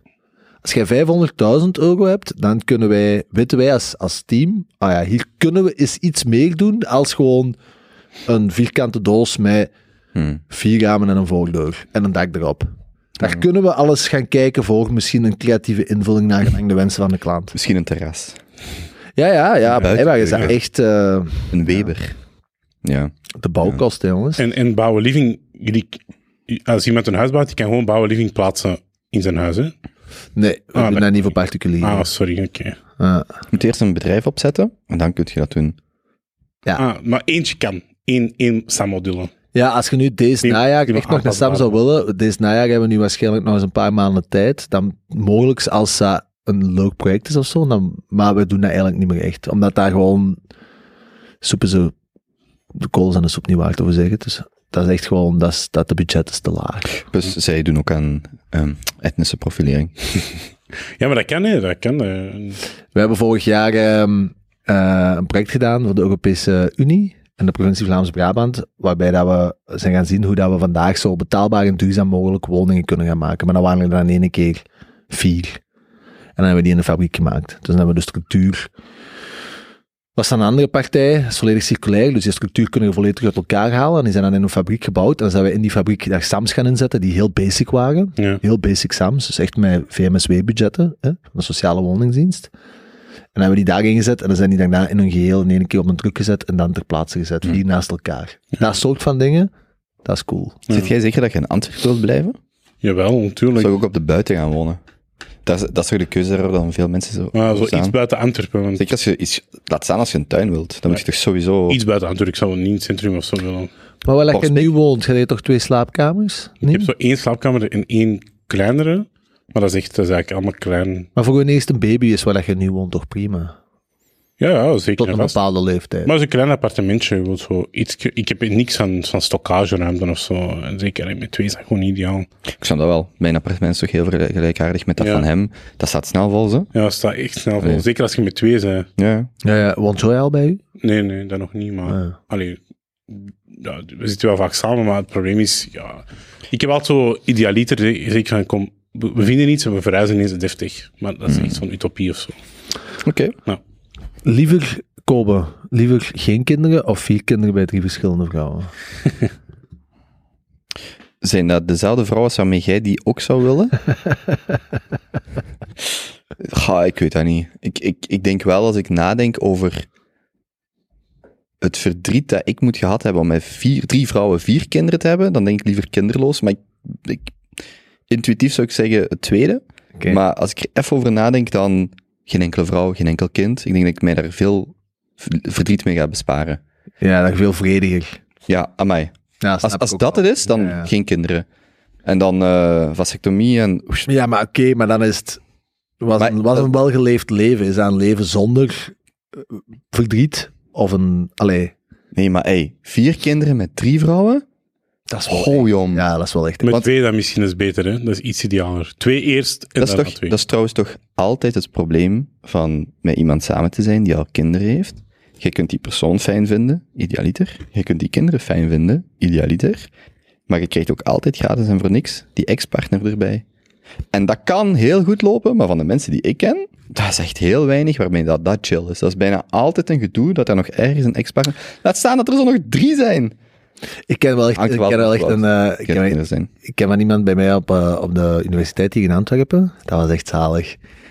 Die, ehm, die zijn vader heeft een eh, heel grote winkelketen in België, die ik nu niet dadelijk kan benoemen. en ehm, die is, AVV. Nee, nee. Die is een uh, Schoenen, ouders, is een ouders zijn, eh, het- ik, ik, ik ga het niet eh, erkennen nog ontkennen. Ehm, die, ehm, die zijn ouders zijn uiteen gegaan en die, die zijn met, ik denk met drie of met vier kinderen thuis. En die ouders zijn zo, ja, als ik die leren kennen waren die al wel een tijdje, pakt zeven, acht jaar uit elkaar. En die mama heeft vrij snel iemand nieuw gevonden. En dat was zo, ik ken die man nooit ontmoet. Dat is echt zo, beeld u een jongen George Clooney in, maar dan nog full Italian. Dus van dat lang zwart golvend haar en zo Nederlands mij echt een heel zwaar Italiaans accent. Zo, dat, hè? Zo echt een... eh, ja... Eigenlijk is, is eigenlijk Italiaan en hij kan een beetje Nederlands. En hij ziet er ook echt zo uit. Ehm, echt een wandelende stereotype eigenlijk. En ehm, die, eh, die, dus die ma ontmoet die gast. En dat is echt zo'n hele, hele joviale, eh, eh, eh, levensvreugdevolle Italiaan. Is mooi verliefd. En die pa, die is zo een paar keer nog geprobeerd, maar eigenlijk, die werkt gewoon graag. Die is gewoon heel bezig met zijn, met zijn job. En, ehm, en ja, toen heeft eigenlijk nooit niemand anders niet meer gevonden. Ik weet nog niet wat dat ondertussen misschien nog veranderd is. Maar die vertelde dus, want ik ben daarna mee op skiverlof geweest. En mijn ouders waren toen ook een paar jaar daarvoor uiteen gegaan. En die zei, ja, bij ons is dat eigenlijk echt heel onstereotyp verlopen. Mm. Hij zei, ons mama en ons papa, die waren allebei, zo, ja, die zoiets van, ja, hier zit, niet, geen, hier zit geen Toekomst. geen toekomst niet meer in. Wij zien elkaar nog graag. We hebben samen echt heel veel bereikt met ons kinderen. En we hebben een hele mooie decennia samen gehad. Maar het, het voelt alsof het hier mag stoppen als, als romantische partners. Daarom niet noodzakelijk als twee mensen die daar nog altijd kinderen gaan mee opvoeden, ondersteunen en elkaar nog heel graag zien. Maar niet meer vanuit het romantische, liefdevolle, eh, seksuele aspect. Gewoon, dat, dat niet, dat is klaar. Dat is mooi, hè? Dat is prachtig. mooi. Als je dat kunt benoemen, Ja. en hoe hij dat omschreef, vond ik dat echt zot. Want nu, en dat is dan het grappigste, die gaan elk jaar nog minstens twee keer met heel de familie op reis. En een nieuwe vriend van de mama is erbij. En de ex-man ook. Hmm. En de ex-man betaalt zelfs nog altijd alles. Dat is toch echt zot? Ja. Allee, en Maar dat is mooi, hè? dat is kei hoeveel mooi. verhalen, hoeveel verhalen kent je zo? Hè? Dat is gebalanceerd. Ja, heel Ik weinig. heb die blogster, Mama van Vijf, op de podcast gehad. En die deden dan dat concept. Dus die hadden drie kinderen, denk ik, samen. Of vijf zelfs. Ah, ik, ik weet dat ze er vijf heeft, maar ik weet niet hoeveel samen. In ieder geval, die deden dan dat, er is een term voor, waar dat je de kinderen in het huis laat, maar de ouders doen week om week. Dus in plaats van dat de kinderen elke week van, her, van hot naar her moeten, blijven de kinderen altijd in het ouderlijk huis. En de ouders komen telkens een week Ja. erin. En dat zal wel veel meer stabiliteit aan die kinderen. Waar ik bijvoorbeeld, theorie, een geweldig idee. Ik ken er dus eentje die het succesvol tussen aanhalingstekens doet. Maar van alle sob-stories die ik ken van echtscheidingen, opnieuw, ja, dat zijn heel mooie verhalen, maar hoeveel zijn er zo? Ja, ja, tuurlijk. Maar, ik wil maar zeggen... maar dat als het lukt, is dat wel Ja. heel... En de kinderen zijn bijna altijd te duppen, hè? Je ziet dat echt Ja. vaak. Je ziet dat echt vaak, die zien dat echt van. hè. Ja, ja. Ik wil maar zeggen, er is een, oké, er is een ander scenario, hè. Ja, Dit. Maar dat is, dat is tuurlijk. zeker een unicum, sowieso. Ja, Maar bij, gewoon als bij mij thuis is het in elk geval zeker niet dat geval. Nee, Ja. maar gewoon kunnen toegeven van we zien elkaar nog graag, maar het niet meer romantisch en we willen er samen nog het beste van maken voor onze kinderen. Gewoon dat concept, dat klinkt inderdaad heel goed, maar hoe, eh, je komt daar gewoon niet Maar- toe, want er is een heel voorgeschiedenis ah, aan. wel ja, want dat, hè. frustratie en... Ah, wel, als je dat zegt, hè, als, als, het, als, als je exact tot die situatie wilt komen, dan moet je eigenlijk al jaren op voorhand, bij wijze van in mijn hoofd, relatietherapie hebben gedaan, hebben geprobeerd, geprobeerd om op te lossen, elkaar heel veel ruimte te geven, jada, jada, jada, om dan te zeggen, we hebben alles geprobeerd, maar het gaat niet, en we gaan vredevol uit elkaar. Hmm. Zo, in hoeveel relaties gaat het zo? Het gaat gewoon tot een kookpunt, en dan ontploft de boel, en dan is het, nee, had nooit gelukt, Ja, want jij dit, jij dat, jij zus, jij zo. Terwijl, ja, nee, als jij al een heel stabiele, alleen niet stabiele, maar in een heel ehm, ehm, ondersteunende omgeving zit en dan kom je tot die conclusie, Ja. dan heb je een mooi einde. Maar opnieuw, hoeveel, hoeveel scheidingen Mm. of relaties die springen, kunnen dat zeggen? Ik denk heel weinig. Maar, Ik, eh, als ik ooit minister zou zijn en iets zou kunnen veranderen, dan zou ik echt verplichten dat elk koppel vanaf een bepaalde dura- duratie, en als ze daar zin in hebben, maar ik zou bij wijze van spreken echt wel verplichten. eh, alleen, het is misschien wel extreem, maar heel toegankelijk nee, maken. verplichtingen, verplichtingen zijn niet extreem. Nee. maar Maak het waar. Elk koppel moet in een lasttherapie. Ik vind eigenlijk gewoon dat elke persoon al sowieso naar een Therapie. psycholoog moet. Ja. Ik vind dat echt... al Heb je dat heel- zelf al gedaan? Ja, tuurlijk, absoluut. Eh, ik vind dat echt super belangrijk. En sowieso als koppel ook. En gewoon dat iemand de waarde dat jij bijvoorbeeld je verhaal kunt doen over eh, frustratie of dingen die wel goed lopen, want dat moet niet per, se negatief zijn. Hè? Nee, Dat, kan ook dat kan ook versterken. Dat op dat- onderhoud. Ja, tuurlijk. Gelijk bij, gelijk- inderdaad, op onderhoud, mooi gezegd. Gewoon het feit dat jij je partner kunt horen spreken over u of over uw relatie aan iemand anders, Ja, dat is gewoon kei waardevol. tuurlijk. Dat alleen al is, al is al therapie op zich. Die therapeut moet zelfs nog niet eens iets zeggen. En Je moet daar gewoon zo wat zitten. Zo. ja, je moet er wel zitten en in dat boekje wat noteren. En ondertussen moet hij wel, ik weet niet, ja, iets tekenen. Maar Maar ja, dat is makkelijk gezegd, hè. Ga jij met Joy naar een relatietherapeut? ik, het eerste dat ik ga doen, allee, het eerste dat ik wil voorstellen, is om dat met haar te doen vanuit, vanuit krachten.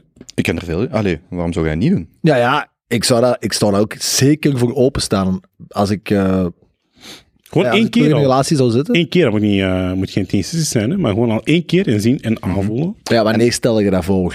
Je Ja, maar- dat niet maar eerste opnieuw- paar maanden Nee, voor. maar hè. je, jawel, je kunt toch zelfs... Jawel, waarom niet? Ja.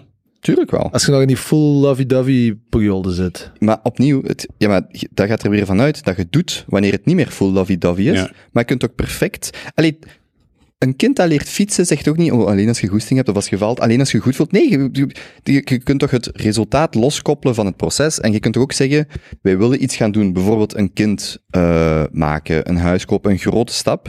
En we willen daar gewoon bij geholpen worden. Of wij willen een derde die ons helpt dat onder woorden te brengen naar elkaar. Opnieuw, de meesten gaan dat niet doen, want die zeggen het is lovey-dovey, alles is oké. Maar ik kan me echt wel voorstellen dat er zijn die zeggen, ik wil gewoon dat dit zo smooth mogelijk verloopt. En dat zou me heel veel... Want het, meer nog vind ik dan wat je daar concreet beslist, of bespreekt, zeker als het eenmalig of amper is, is het feit dat je aan je partner toont dat je open staat om Ja. over je relatie te praten en het niet persoonlijk te nemen. Dat is toch zalig? En dan, waar ik ook aan moest denken, zo, ik weet nog zo, eh, een keer ehm, met een ehm, psycholoog gepraat. Mhm. En die, en die zei ook van, die zegt de reden waarom ik niet, en het sluit er een beetje bij aan, die zegt de reden waarom ik niet kinderpsycholoog ben geworden, is omdat eigenlijk elke ouder die zijn kind naar een kinderpsycholoog zendt, moet je vragen of die zelf al naar de psycholoog gaan. Mhm. En als het antwoord nee is, moet je die eigenlijk naar huis sturen en zeggen, eerst jij, en dan die kleine. naar de- Dat is waar. Ja, en ik weet nog echt dat ik dacht van, en die zegt, dat is dus de reden waarom ik dat niet doe, want ik zou mij constant doodergeren aan het feit dat kinderen worden afgezet, los het op, terwijl eigenlijk, hè, en dat sluit er eigenlijk een beetje bij, allee, bij Ja. mij of ligt dat in het verlengde van, de problemen ontstaan veel vroeger, en het is heel makkelijk om dat op iets anders te projecteren, Ja. maar eigenlijk kun je vanuit een veel sterker kader al die, dat soort gesprekken aangaan met hè, kinderen, partners. En hoeft dat helemaal niet op een slecht moment te zijn. Je kunt ook gewoon zeggen, hier is een vluchtheuvel die wij moeten pakken, en we weten niet wat dat gaat zijn, en ja, Ja. help ons, of reik ons tools aan, bij wijze van spreken. Hm. En iedereen, je kunt dat ook invullen door boeken te lezen. Allee, mensen vullen dat op verschillende manieren in, hè, maar zo de, de, het concrete van naar iemand te gaan om iets te bespreken. Ja. Zou jij dat doen, Benny? Want ik, ik weet niet, ik zie je zo kijken. Zit jij gewoon kritisch of jij, heb jij zelf een mening? Naar relatietherapeut? Ja. Ja. nee, jong.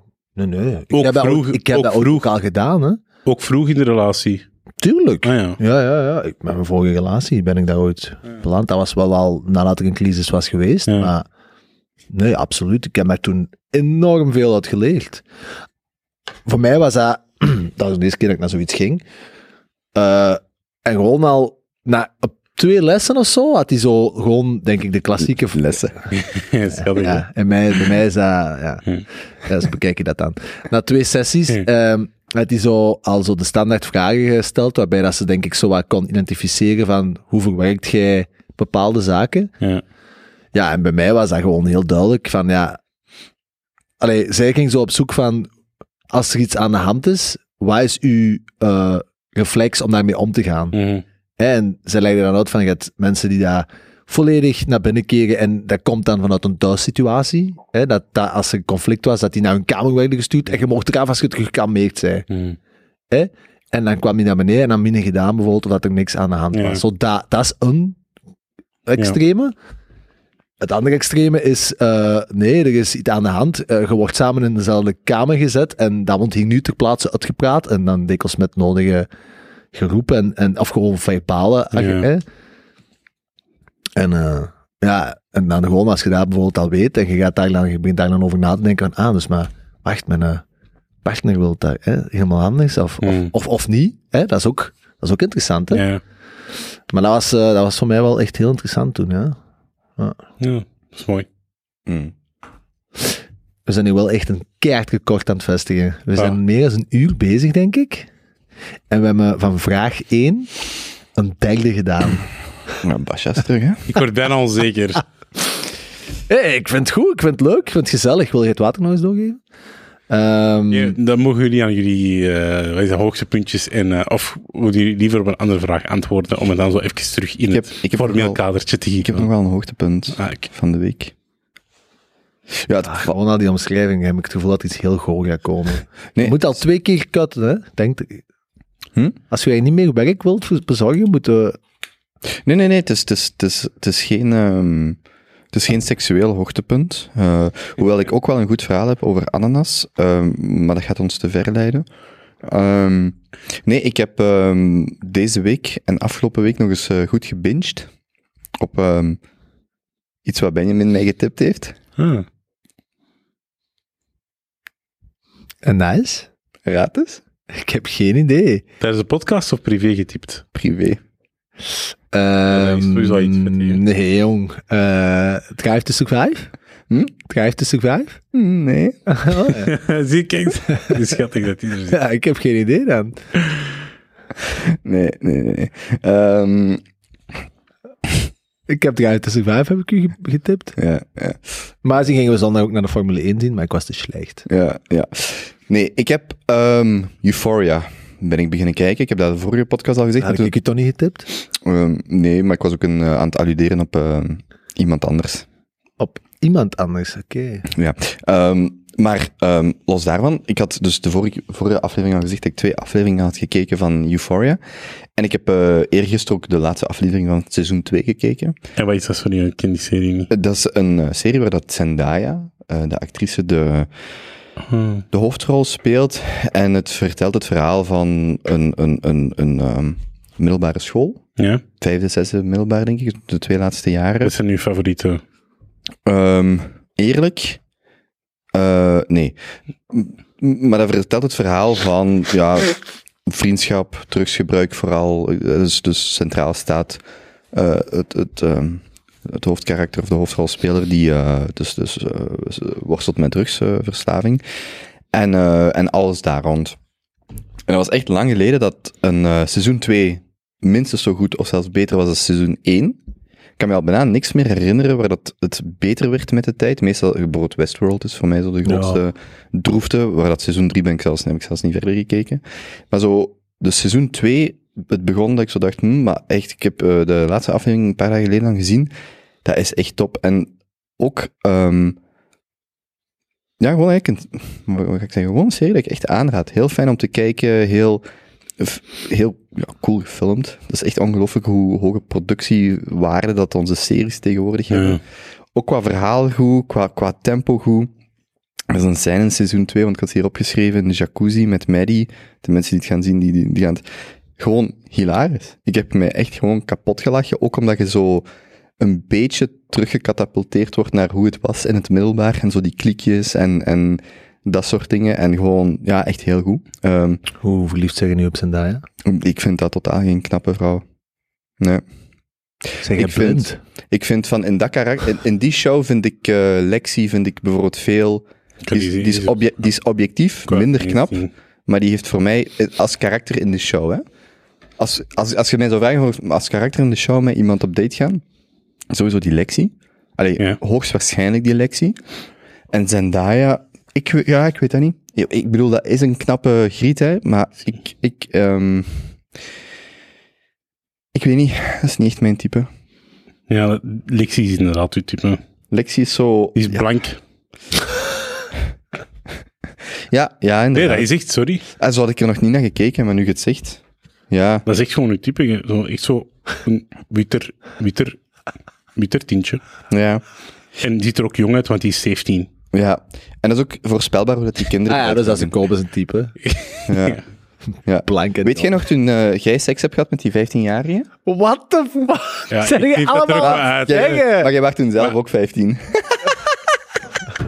God. Jongen, echt waar, joh. zie hoe gelukkig dat hij is. Kijk, Ah. oh, als ik gelukkig is, dat problematisch. Wat zeg je Ja, wat- het zeggen? Maar wat zegt jij? 17-jarige. Alsof de laatste keer dat ik het iets voor een 17-jarige gevoeld heb, is toen ik zelf 17 was. Oh, oh man. Wanneer heb jij het laatst voor een 17... Ja, wacht, ja. Allee, ik ik vind die wel schattig nu, ik weet zo niet mee moet aanvangen. Ja, nee, nee, maar, ehm, nee, maar, maar trouwens, ehm, Euphoria is van 2019, 20, dus toen was Zendaya 3, 2 of 23. Het is ondertussen ook al 25. Zoiets, denk ik. Ik vind dat wel echt een heel knappe madame, die zijn daar. Ja. Ik vond dingen altijd heel knap. Ehm, nog steeds ehm, Emily Blunt. ja, Wie is dat nu dat is een heel schoon verhaal. Ja, zo die blonde actrice die in... Met de John Krasinski samen. Ja, Die, Eh. die speelde vorige, keer, vorige week mee in die, eh, in die Marvel-film, hè? Heb je dat gezien? Nee. Die speelde zo die eh, eh, Fantastic Four dude. Dat is een Ah, man. dat is hij. Ja, nee, herken ik niet. Ik vind Emily Blunt echt eh, een knappe vrouw. Oh, in die ene Die- film die met Tom. Cruise. Ja, ehm, eh, met die... Met Day die After, uh, The Day Again. Nee, ja, ja, ja, dat hij zo elke dag, op, allee, een dag opnieuw start, Eh, iets- tomorrow, tomorrow, Edge of Tomorrow. Ah, Edge of Tomorrow. Edge of Dat is een goede film met Tom. Die scène waar dat hij zo zich omhoog doet, iedereen herinnert toch die scène van Ja, Emily Blunt? Ja. Ja, ja. Trouwens, even misschien korte appreciatie voor, eh, voor Tom Cruise. Ik heb me een week gerealiseerd terwijl ik zo een tweede keer een trailer aan het zien was voor Top Gun 2, want dat is blijkbaar echt een bangelijk goede film. Die, echt, Mm. die film is veel te goed. Die heeft niet het recht om zo goed te zijn, blijkbaar. Ik had zo'n review al op YouTube gezien en die dude begint echt zo van... Ja, dit is een, een 2 van een film die na bijna 40 jaar oud is. Ga over fucking F-16-piloten. Hm. film had echt geen recht om zo goed te zijn. Zalig. Ja, en, Ja, en gewoon morgen- Tom morgen Cruise, uit, dat is toch echt... Ja. Je moet eens gewoon eens nadenken, in de laatste 10, 15 jaar, wanneer heeft Tom Cruise nog eens een echt slechte film gemaakt? Ja, niet. Gewoon bijna niet, hè. Oké, die doet het misschien zo Maar die, zot als een maar die, die series dat hij maakt, die verschillende reeksen, die... eh, Mission Impossible. ja, Mission Impossible Zijn dat goede films? Zo goed. ja. Oh, ik vind het ook goed. goed. Ik vind het ook wel goed. Hm. Allee, als je bijvoorbeeld... Het heeft een heel ander statuut als James Bond. Hoewel ik de laatste James, veel van de laatste James Bond films vind ik ook echt wel goed, behalve Ja. Quantum of Solace, maar bijvoorbeeld Spectre en dan En, en mm, Tomorrow, um, never, um, No Time to Die vond ik ook niet zo goed, maar Spectre en dan zijn eerste film, Casino Royale, Ja. wat een bom van een film. Ja. Maar zo Mission Impossible zijn echt wel toffe films, hè? Ja, ja. Ja. heel goed. Ja, voor dat type film te Volgende week naar cinema? Ja. Is die- is die? 2? Morgen, morgen komt die uit. morgen. Eh, volgende week na mijn thesis. Is goed. Ja. Deze week kan ik ook niet mee. Ja. Stressje? Nee? Ja? Misschien? Eh, al die... ik ben, ik heb, Vochterij, die vochter... ik kan wel dit zeggen, ik heb afgelopen weekend 13 uur in de auto gezeten om naar een Ah, ja. DJ te gaan. Ik dacht dat hij een all-nighter ging doen, bleek dat hij twee uur draaide, van 4 tot 6. Ik heb al betere keuzes gemaakt. Het was nog altijd een zeer leuk weekend, maar 13 uur. ja, Ja. 13 Waar was uur. dat nu weer? Hamburg. In Hamburg. ja. Dus we zijn zaterdag opgereden, gaan feesten, zondag terug. Dat was wel goed. Maar een beetje kort. maar hij komt naar België voor een all, eh, niet een all-nighter, het is een namiddag. Ik heb het al tegen Benny gezegd, zet het in de kalender. Op een zondag in juni gaan wij feesten. Oké. En tegen 11 uur zijn we uitgebold. It's my kind of party. Dat Ja. is zalig in de dag. Ik vind dat kei leuk. Van 5 tot 11 komt hij draaien. Ah, dat is top, hè. En waar? Gent. In Gent. Ja. Waar? Expo. Ah, nice. Van de Expo was ik graag. Ik heb er vorige week nog gedraaid. Pas Ja, aan- kijk, pas daar gaat het programma. Heel leuk. Maar dus dat was mijn stressje. Nice. Jij, Eh, Benny? even kijken, hè. ik kan het erbij pakken. Hè. Waar heb ik hier eh, de zondag met mijn kater genoteerd? Eh, ah, oh ja, eh, hoogtepuntje. De ochtend van zondagochtend. Zondagochtend. Eh Wordt die camera... dat is ja, maar dat zag ik. ik- ik- Ja, ja, jongen. Tegenwoordig hebben we echt bijna... Ziet je dat? Je ziet niet wat ik Je, doe, je ziet dat niet. Nee, nee, dat is oké. Ik vond, dat vond ik grappig. En dat was dus ge- gepast. Ehm dat moet er niet knippen. Ehm weet je dat ik zo al een paar jaar aan het verkondigen ben van, wilt er nou eindelijk alstublieft iemand een floating center open doen in Antwerpen? Ja, ja, ja. Van wat een fucking gouden opportuniteit dat er eigenlijk is. Eindelijk heeft er iemand geluisterd. En nog grappiger, het is hier echt om de hoek. Ah, echt? Hier echt, hier aan de koffiebar, de hoek om, twee floating tanks. En hij is daar aan het Hesseplein, bedoelt je echt? Of... Nee, nee, nee, nee. Echt Nee, hier? Aan, aan Echt? de Godefriede Sky. Ah, Ah, ja. ja. aan dat zijstraatje. Aan dat zijstraatje. Aan het eilandje. ja. Ja, het noemt... eh Ho, ho, ho. Zit wacht, wacht. Betaalt hij voor reclame? ah ja, misschien moet ik ze eens contacteren. Ja. Ja. Eh, gratis floating sessies voor die Boys. ja, oh, dat wil ik wel. Jong, die biel, hoe heet dat? Die zou dat nog echt doen, hè. Nee, ja. We hebben, meneer, we hebben 25 luisteraars. Eh balans, balances.be. Balansis. Balances. En cis gelijk cisgender, of gelijk systeem, of gelijk ciskaart. Ik zal het er zo Want, tegen- Want tegenwoordig... Ja, dat is waar. Maar wat is het nu? Eh, ik zal het in de show notes zetten. Siskaart, het is prachtig dat zegt. Ja, mooi. Waar is de tijd van een Nee. ciskaart? Dat weet een 17-jarige niet meer. Als je vraagt wat een ciskaart, die zo... Ja, dat is gedateerd, hè. Ehm, dus dat is een hoogtepuntje. Ik ga dat zeker nog eens gaan doen. Ik vond dat een zeer leuke ervaring. En gewoon het feit dat dat er eindelijk is. En dan vind- echt om in een hoek. We moeten hem daar nog eens in duwen. En we Ah, ja, je hebt dat nog al- niet gedaan. Jawel, jawel, jawel. Die is toch zot geworden? Ja, ik kan dat niet doen. Ah ja, dat is juist. Ik ben gewoon echt, ja, inderdaad. Die is Ik ook. De eerste keer ik ook. Ook echt gefliek, gefliekt. Ja? Ja, ja. Oh. Ik was na een kwartier terug uit. Wat kost dat? Is het betaalbaar of is het zo Antwerpen ja. fancy schmancy, Nee, is gelijk 7000 als- euro per maand? Of Vijf- 65 euro of zo. voor, oh jong, Voor een uur. Dat is veel geld eigenlijk, hè? 65 euro voor een uur. Voor in water te gaan liggen, in zoutwater. In Ja, maar dat, is, dat was een paar jaar geleden ook al zo. Ja, 65 euro. dat is veel geld, Dat is eigenlijk. de prijs. Dat is, de, dat is een euro per minuut. Ah ja, Ongeveer. Hm. Ja, ik geef het maar mee. oké. Eh, dus dat is een hoogtepuntje. Eh stressje. Maar wacht, zit je al geweest? Ik, ik, ik heb het pas... Dus uw hoogtepunt is dat dat hier open is gegaan. Ja. Maar bent nog niet gaan kijken. Nee. Maar kom, we gaan dat doen, hè? Nu. Voordat we naar Kevin de Vries gaan zien. Nee, voordat we naar Tom Cruise gaan zien. Maar Oké. die heeft er maar twee. Dude. Dus gaan we op een weekavond of gaan we, de, gaan we in het weekend? Naar Tom Cruise. In de week. Door Ah ja, week. Ga het dan nog eens, ga dan eens nog floten? Maar waarom Het niet? duurt een uur. Ik, ik werk tot zes, hè, jongens. Ja, maar Zeven uur tanken. Tot acht uur. Kwart na acht film. Oké, we zullen straks eh, de praktische dingen bezien. Eh stressje. Ehm, ik ben zaterdag nog eens echt ferm gaan doorzakken. Het was, Weer wel al? echt, het was wel echt ferm. Het was niet weer. al. weer? Ja, weer. Ik stond onlangs in Leuven, in dat café, tot... Jongen, dat was, feb Pardon, dat was februari, jong. Dat was in februari, hè? letterlijk. Dat is echt al, dat is echt al drie maanden geleden. Hè? Ik wil dat toch eens factchecken Ik heb eigenlijk. het gevoel dat die echt... ehm, Dude, je bent vorig weekend 13 uur aan het rijden geweest voor naar een fucking club maar te gaan. En, je moet dat niet spiegelen naar mij. en jij hebt een paar weken geleden op één weekend tijd... Ziet je zijn behavior, Ja, ik zie... Ik, eh, disorder? oppakken die gast, oppakken. En er begint zoiets te trillen als die zo wat vo- vochtig begint te doen. Dat is een bovenlip. Vochtig. Nee, maar vertel hij eens. als hij zo agressief wordt. Oké, je bent weg ehm, Eh, ja, dus ik was zaterdag eh, nog eens stevig gaan doorzakken. Het was reunie van mijn opleiding hier in Antwerpen. Die, waren 15, die, bestaan, bestaan 15 jaar. Dat is die uh, Antwerp Management School, is dat? Ja. Specifiek de opleiding die ik heb gevolgd. Dus die master in innovatie en ondernemerschap. Ehm, en ehm, ja, dat was heel leuk. Echt, maar ja, mensen teruggezien die ik gewoon niet meer had gezien sinds toen. Ja. Maar onder een dude, echt zalige gast.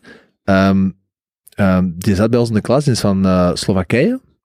En die is vlak, als hij is afgestudeerd, is hij met zijn schoonbroer Captain Kambuja gestart. Ken je dat? Captain Kombucha. Ja. Dat is die drank. Ja, Ah, kombucha. Ja. Captain Kambuja, Ja. daar staan uh, en zo. Ja. Hè? Ja, en die, die heeft dat gestart. Hmm. dus eh, ja, we wisten dat wel, dat hij bij ons in de klas zat. Maar we, ja, we wisten totaal niet dat hij ging terugkomen.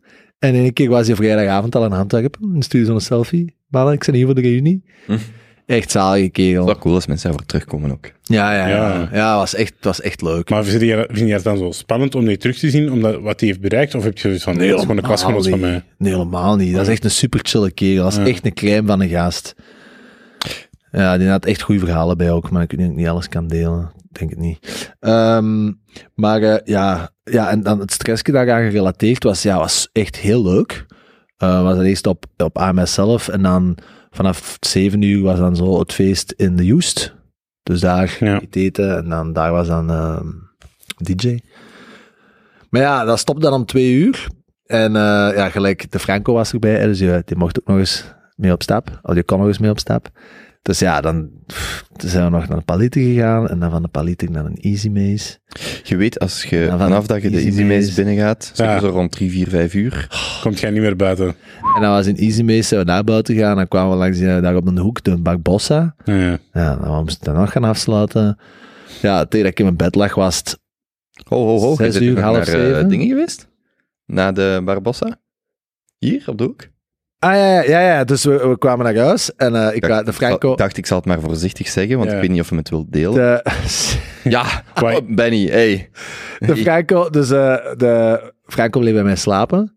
En ja, maar ja, die kan, dat kan ik niet zeggen. Hè. Dan, nee, nee, nee, nee, nee. Ah, wel, daarom Oh. dat ik het voor... Ja, ja, ja, nee, Je nee, nee. bedoelt, nee. Je kunt de locatie niet zien. Nee, nee, nee, nee, nee, nee, nee. Hier is enkel het schipperskwartier, hè. Is het, Ja, omdat, nee. is het omdat je ervoor schaamt? Nee, dude, nee. Dus Maar- maar, mensen dan... dan nee, ik Maar dat is, maar dat is oké. Allee, Je bent echt vermoeiend vandaag. Het je keteltje. Het keteltje. Dat, is dat niet al jaren dicht? Ik weet dat niet, misschien zie je connecties of zo daar. Maar Helemaal ik niet. vind gewoon... Allee, wat het ook is, dat is oké. Wij zullen ook eens met u er naartoe gaan. Gewoon dat de luisteraar weet, het is oké. Het is echt vermoeiend vandaag, hè? Ik ga, Oké. Wij gaan naar August naartoe. Oké, ik... Weet Tussen wat welke, uren, tussen welke uren zit je geweest? Dat vind ik Ik ga het overslagen. Ik denk tussen, Enkel de uren wil ik ik weten. denk tussen vijf en zeven. Tussen vijf en zeven. Tussen vijf en zeven. Ja, ja, ja. Iets dat tot zeven uur open is. Oké. Ja, nee, nee, nee, nee. Ja, nee. Tussen vijf en zeven. Het was aan sluiten toen als wij eraan Ik moet zelfs vragen hoe dat de mensen wakker geworden. De ochtend nadien. Wat? Maar Ah nee, dat was vorige week. Wat? Wat? Wat zijn jullie allemaal aan het zeggen, joh? Nee, wacht, ik dacht dat... ehm, Nee, ah, oké, oké. Ah, echt. Anders moet ik dat er weer echt. Het uitknippen. is echt vermoeiend, vind ik. Ehm, Oké, maar nee, dus ja. Ja, en eh, ja, dus echt verder maar gedronken. En eh, wakker geworden. En ehm, ehm, En we zijn terug. Ja, Ja, Ja, we en we moeten zijn even iets uh, onderlingen bespreken.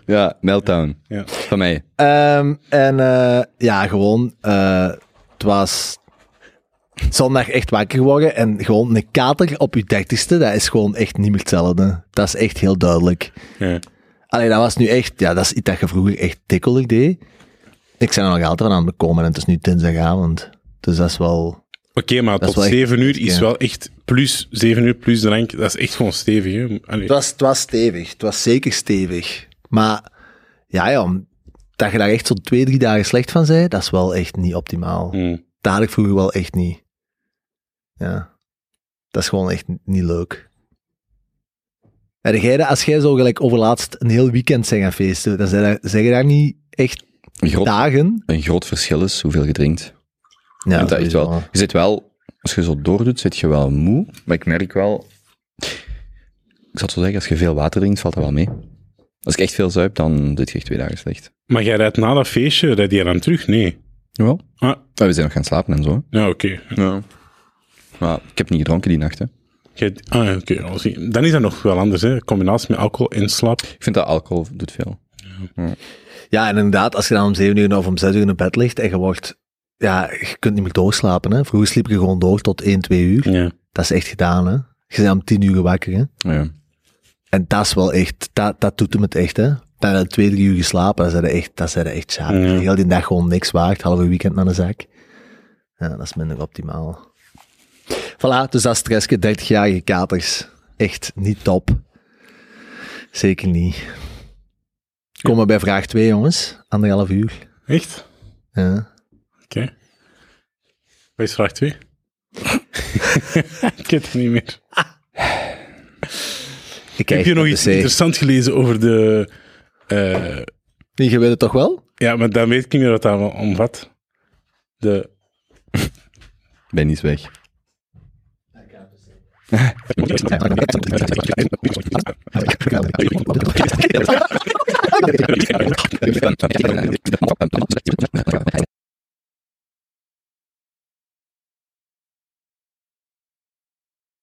Hij herinnert zich wel terug de vraag. Wie? Eh Jozef. Oké. Moet ik het nog eens voorlezen? Of? Nee, hij Nee. weet het. Hij weet het. Eh, heb je recent nog iets noemenswaardig gelezen over de spiritualiteit? Over uw spiritualiteit? Over spiritualiteit, Natuurkunde, natuurkunde, fysica, wiskunde, wiskunde, ehm, astrologie, meetkunde. meetkunde Ik ben en, gewoon alle vakken van het middelbaar aan het opnoemen nu. en plastische opvoeding. ja, dat is het eigenlijk. Hij komt daarop neer. Heb je eigenlijk nog iets interessants gelezen of gezien? Dat is het. Oké, vertel. Maar echt iets graven. Ik wil, ik wil terug verrijkt worden met nieuwe Junto-informatie die ik aan mijn vrienden kan vertellen. Heb jij iets? Ik heb, ik heb iets, ja. Oké, doe maar. Doe maar. Ja? Ehm, ook een serie. Love, Death and Robots. Ik heb niet graag van het gehoord. Nee? Dat is eh, Netflix. Daar zijn drie seizoenen van. Hm. En dat is echt... ehm, ja, ik vind dat echt heel gaaf. Ken je David Fincher? Mhm. Eh, ge- dat is de regisseur van Fight Club. ehm Wat heeft hij nog gedaan? Curious Case of Benjamin Button. Die Ben Affleck film Gone Girl. Eh, ja, echt. Heeft hij ook Re- Requiem for a Dream gemaakt? Nee. Zei dat? Nee. Eh, maar dat is zo wel echt een van de golden boys van de Amerikaanse cinema van de laatste paar decennia. En die eh, heeft dus een serie dat hem produced op Netflix. Noemt Love, Death and Robots. En de titel zegt het eigenlijk helemaal. Het gaat echt over die drie onderwerpen. Love, Death and Robots. Maar op een super creatieve uiting. Dus je hebt- dat zijn ongeveer... Het eerste seizoen zijn er wat meer, pak 12 of zo. En die andere twee seizoenen, dat zijn tussen de 8 à 10 mini-afleveringen. En dat kan echt zo kort zijn als 4, 5 minuten tot 20 minuutjes. En dus allemaal, de, de algemene tendens is zowel wat sci-fi-achtige ehm, insteken, de science fiction. Maar het is echt super creatief gedaan. Dus dat is die, die- elk seizoen schrijven die een ander top animatiebureau per aflevering. En die krijgen eigenlijk volledig eh, vrij spel. Dus die mogen hun eigen mini ehm, ja, filmpje maken. Ja. Ehm, maar ja, als gewoon de rode lijn van ja, Love, Death en Robots. En liefst alle drie in één vermengd tijdens de aflevering. En daar komen echt, alleen daar zijn nu drie seizoenen van. Dus ja, maar zo'n seizoen, ja, daar heb ik op 90 minuten doorgeknald. Killer robots. Of keukenrobots. Soms de combinatie van de twee is ook al eens in een filmpje voorgekomen. Hmm. Ehm, maar de, het is, ik vind dat heel cool, omdat dat zo'n heel ehm, abstracte omschrijving, of een, een, een brief hè, voor een serie. En Netflix, Netflix heeft gewoon volledig vrij spel aan die, aan die, aan die agencies, of aan die creatieve, aan die, ehm, aan die bureaus, aan die animatiebureaus. Ja, en de shit dat daaruit voorkomt, ik vind dat echt oprecht heel gaaf. Het is soms wel echt luguber. Het is echt hondsbrutaal met momenten. Eh, dus het is zeker niet voor jonge kijkers. Maar de shit dat er alles uit voortgekomen, echt, echt de moeite. Maar dat is Heel altijd cool. een ander bureau dat dat maakt. Ja, Dus die stijl is ja, altijd anders. Ja, eh, dus het is altijd, het is, dus zo in één seizoen, en ja, ik zeg het, je hebt dat, is zo'n seizoen op een klein twee uur, heb je zo'n seizoen gezien, hè. Ja.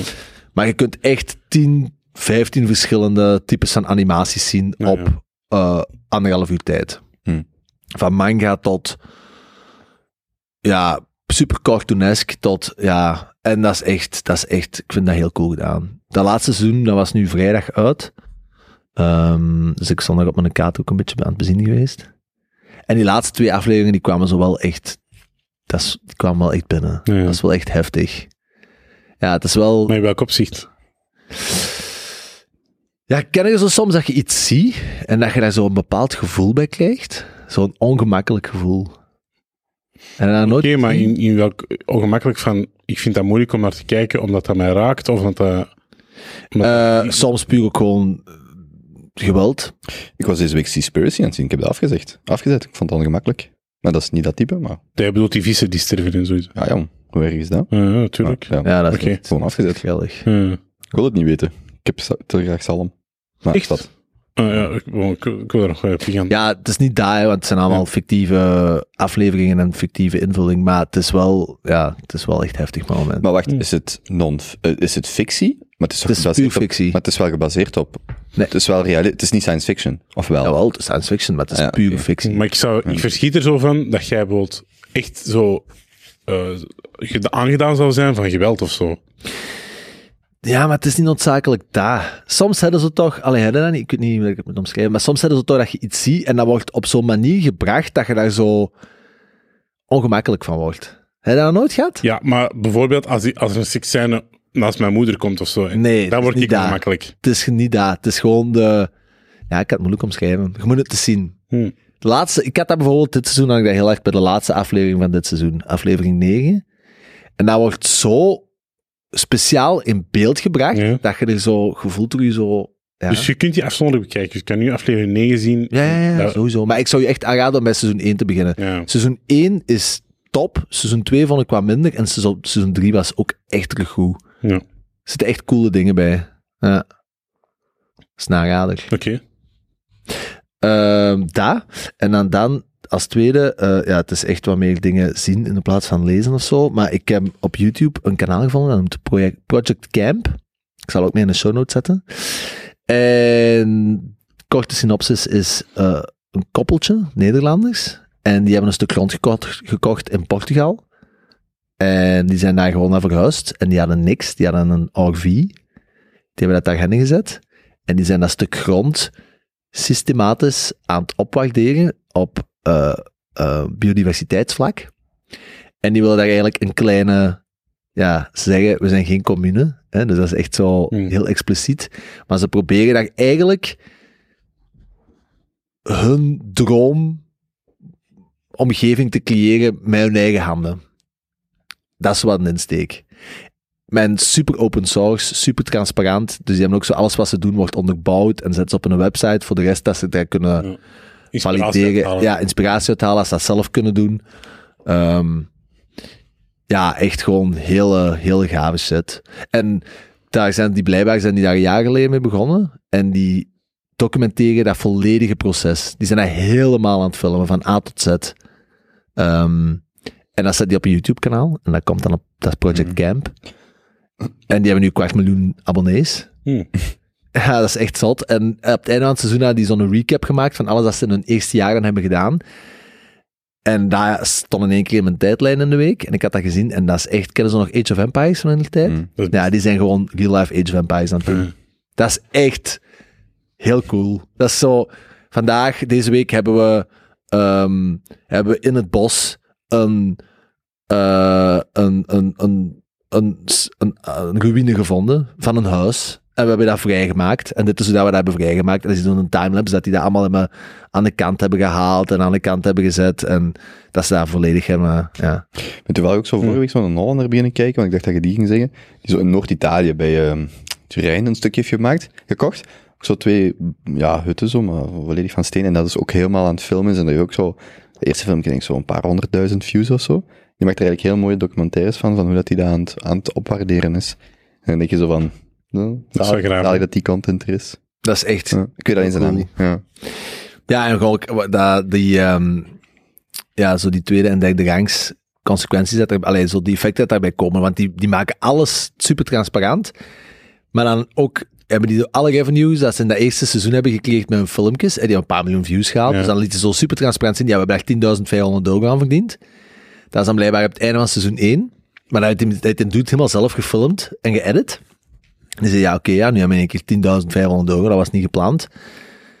Oké, ja, die gaan we investeren in nieuwe content voor volgend seizoen. Dus wij zoeken iemand die bij ons wilt komen filmen voor de komende drie maanden of vier maanden, die eigenlijk het volledige tweede seizoen op zich wilt nemen. Dus iemand met ja, eh, filmervaring, editingervaring, storytellingervaring. Wat kun je daarmee verdienen? 10.500 euro. Ja, dat is wel graaf. Zo, da, zo Mm. Hou het, laat het ons gewoon simpel houden. Laat het ons niet onnodig compliceren. Zo. Ja, dat, dat straalt daar zo helemaal van uit. Van, ja, we zijn dus ook niet aan het doen voor, voor het grote geld. Maar die hebben waarschijnlijk geld om zoiets te doen. Moet je sowieso al kapitaal, serieus kapitaal hebben. Hè? Ja, ik weet dat niet, man. Ja, maar is dat hoe dus? groot was dat stuk grond? Dat was niet zo 60, hè? Dat is zo drie, drie hectare of zo natuur in Portugal, in the middle of nowhere. Hm. Zo duur gaat dat niet zijn, hè? Ik hier, bos is ook niet zo duur, hè. In principe. Maar die zullen waarschijnlijk niet werken in de dag. Hè? Die wijken op een stuk. Die wijken op die grond. Oh, ja, die hebben geen vaste job. Maar die hebben ook misschien geen inkomen nodig. Geen zo self-sufficient. Ja, dus dat is het ding. Die willen inderdaad, Of via het internet. die willen volledig op een, eh, op van een stuk land kunnen leven. Misschien danst die vrouw in haar... Ik heb Euphoria gekeken. Ja. Direct, Het is eh, ene die heel veel geld verdient met te dansen, online. Ja. Maar, allee, je hebt niet zoveel nodig, hè. Zijn er eigenlijk nog seizoenen van Euphoria? Mm, Dat weet ik niet. Ik moet dat nog opzoeken. Ik ging dat nog doen. Ja, dus die dingen eigenlijk. Ik vind dat, vooral dat tweede, allee, het is allebei heel gaaf, maar dat tweede van die Project Camp, ik vind dat, ik vind dat wel inspirerend of zo. Dat je echt denkt van, je stapt gewoon, je stapt gewoon uit de red race. ik zie je ook nog doen, zo. Als je de kans hebt om zo gewoon Ik weet niet of dat je het nu zou doen, maar eigenlijk zou je dat eens moeten doen. Ik kan me eigen in beeld dat ik dat ooit ook doe, maar niet, niet voor het eerst. Waarschijnlijk met vrouw 3, eerder dan met vrouw 1. Dat wel. Ik denk niet met vrouw 1. Nee, nee denk Eh, maar ja, eh, die kans bestaat. Ja, dat is gewoon, dat is gewoon cool, hè? Gewoon, maar je dat- wordt daar zo Nee, dat opgewonden van, cool. hè? niet seksueel, maar zo, dat wint je op. Hè? Zo, zo- Maar dat is toch gaaf om gewoon dingen te bouwen? Dat is gewoon, dat zit toch in de mens? En zo dingen doen. En daar, ja, ja. Like zo overlaatst een dag, dat we een sprint aan het doen waren voor op te leveren in Brussel, een dag mee gaan helpen. Fysiek zo nog eens hè, op de weg of mee Ja. de laatste eh, dingen gaan regelen. Op het einde van een dag dat je met je handen hebt gewerkt, wij doen dat niet meer veel, hè. Ja. Maar dat is godverdomme voldoening hè. Ik heb dat ook in de tuin. Hè? Als je in de tuin werkt, je voelt echt zo, ik ben gewoon de natuur aan het worden nu. Dat is echt maf. Dan, na zo'n dag merk je echt van, ah ja, dat is juist, hiervoor zijn wij eigenlijk gemaakt. Om te, dat moeten wij eigenlijk doen. Ja. Heel gaaf. Ja. Dat is wat anders dan podcasts maken. Hè? Maar Kenniswerkers, Ja. stijverig, de laptopklasse. Die denken dat de wereld op een scherm plaatsvindt. ja, ik ben wel benieuwd hoe dat die generatie nu eh, allemaal gaat doen. Keiveel jobs geraken ingevuld, omdat die gewoon niet meer willen werken met hun handen. Tuurlijk. Heel Hey, de arbeidsmarkt in Vlaanderen is nooit zo krap geweest als nu. Want ik lees dus graag ook de Belgium subreddit. Ik heb daar deze week nog is een dat een ding? Ja, ja, dat is goed. Allemaal in het Engels uiteraard. Het is Belgium. En iemand, ik heb erop gereageerd, plaatste de comment van, als je, dus in het Engels, maar als je geen ingenieur, dokter of hoogopgeleide master bent, zit je sowieso fucked, want hoe kun je dan nog je geld, als zelfs die al niet rondkomen, hoe kun je dan je geld verdienen? Waarop mijn reactie is van, dat is een heel elitair standpunt. Ik ken echt best veel mensen die op hun achttiende zijn beginnen werken, die drie à zeven jaar voorsprong hebben op heel veel van die deps die denken dat ze met een diploma, ja, Ja. ja, ja, iets betekenen. Die gewoon al zeven jaar een harde skill hebben. En als je vandaag, als het om het geld gaat, Skill. in Limburg of in West-Vlaanderen als lasser, of weet ik veel wat wil gaan werken, weet jij Ja. hoeveel geld je kunt verdienen?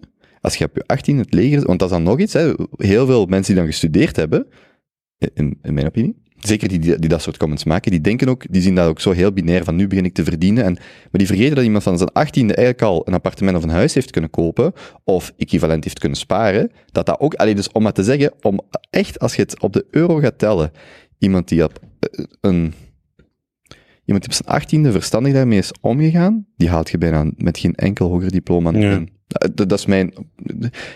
Ik denk dat je echt van heel veel kunt berekenen. Dus ik zeg dat die komen echt zo...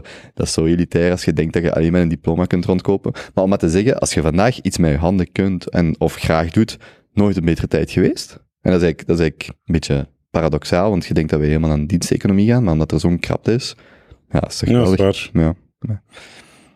Ik heb eh, ooit eens gewerkt als student bij een glazenmaker. Die maakte glas. Stak glas, loodglas in glas in gebouwen. Hmm. Gewoon glas? Of van dat gekleurd glas? van alles, maar loodglas, dat is dat gekleurd glas, maar dat is kei duur, hè. Ah, ja. Maar meestal gewoon glas, zo driedubbel glas of tweedubbel. En ik werk als jobstudent bij. Die gast verdiende echt een fortuin voor gewoon glas te steken. Dat was echt maf, want die had gewoon, er waren gewoon geen anderen in de regio. En dus die stopte. En die had een, een, een, eh, soort van annonce in de krant gezet van wie wilt mijn zaak overpakken, want ik ga op pensioen. Ja. En ook, en ook heel transparant tegen, tegen bepaalde mensen die zeggen, dit is wat ik verdien per maand. En er was dus echt niemand op een jaar tijd die dat, dat wou doen. Hmm. Echt? Dus niemand heeft niemand gevonden, dus die glazenmaker is ook gestopt. Ja. Eigenlijk is dat echt Erik, die werd, allee, die vond dat super frustrerend, want die had soort van, gast, als je 18 jaar bent en 19 jaar, je kunt nu echt keihard geld verdienen, maar niemand wil gewoon nog werken. Ja. Dat is toch ook in de, in de VS is dat nog groter, dat probleem, als bij ons. Maar daar krijg je gewoon... Alleen nee, bij ons is dat ook, hè. Je krijgt de verhouding tussen netto-loon en zelfs een beginfunctie eh versus werkloosheidsuitkering, die, die, die, dat verschil is gewoon te klein. En in de Ja. VS heb je, dat, heb je dat dus ook. Ja. Waardoor dat heel veel mensen die denken, ja, heel begrijpelijk, als jij, ik zeg maar, 1000 euro krijgt als je thuis blijft, of je moet voor, pak dan nog 1500 euro of 40 uur per week gaan werken, fuck dat jong, dan gaat je gewoon gelijk elke Belg in zwart bijwerken, en je houdt je 1000 euro gewoon bij, en je doet gewoon in zwart alles, Ja. en klaar. En allee, Je kunt dat, dat verschil ook niet veel groter maken, maar in de VS is een groot probleem. met- Mensen eh, echt aan het betalen om thuis te blijven. Ja. En dan zit je met een arbeidskrapte, hè? Arbeidsmarktkrapte, die je hier ook hebt. Ja. In, de, in, in West-Vlaanderen is echt van elke, hoe is het? elke vacature zijn er maar 1,4 mensen die ze mogelijk kunnen invullen. Dat is blijkbaar extreem laag. Normaal heb je zo twee of drie of zo. ja. Zoiets. Dus dan gaat je niveau ook omlaag, hè? Maar, alles, maar dat is geen goede statistiek of Nee. maatstaf, hè? Maar ja. Allee, ja, goed. Boys, had nog iets gezien, gelezen, dat noemenswaardig is? Ik vind wel, ik had dat opgeschreven, ik vind, eh, ik vind sowieso dat Lex Friedman de laatste tijd goede podcasts is aan het maken. Alleen veel op hoog niveau. Maar ik, eh, ik vond die met Safety en Moes, zit ik halverwege, vond ik echt heel goed. En de reden waarom ik dat tof vind, is omdat, sluit eigenlijk een beetje aan wat we net zeiden, Ehm, die vergeet gewoon alles. Je moet dat zelfs niet luisteren voor bitcoin en dergelijke, want was wat. Maar dat is een van de, denk ik, meest vooraanstaande personen die over de Oostenrijkse school, de Oostenrijkse economische school praat.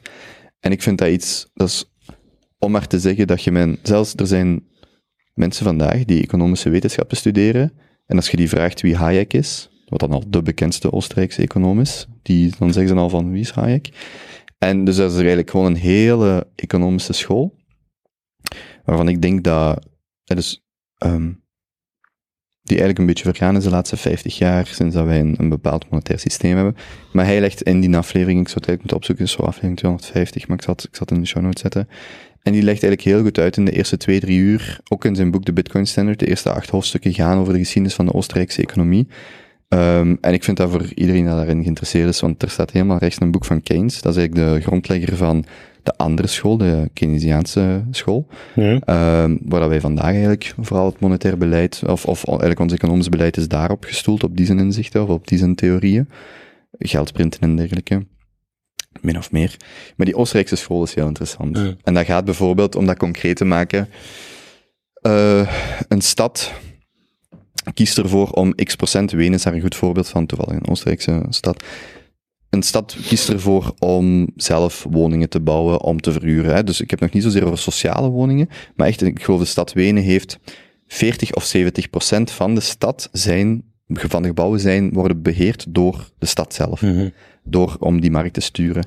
En in dat Oostenrijks model is dat volledig bogus. Want een Oostenrijks model schrijft veel meer een marktwerking voor. Bijvoorbeeld nu het bevriezen van prijzen, energieprijzen, voedselprijzen. In onze moderne theorie, de Keynesiaanse, doet je dat. In de Oostenrijkse zou je dat nooit doen, want dat verstoort de markt enorm. En heel die, ja, heel die, er is een boek, ik heb dat al eens op de podcast gezegd, Economics in One Lesson van Hazlitt.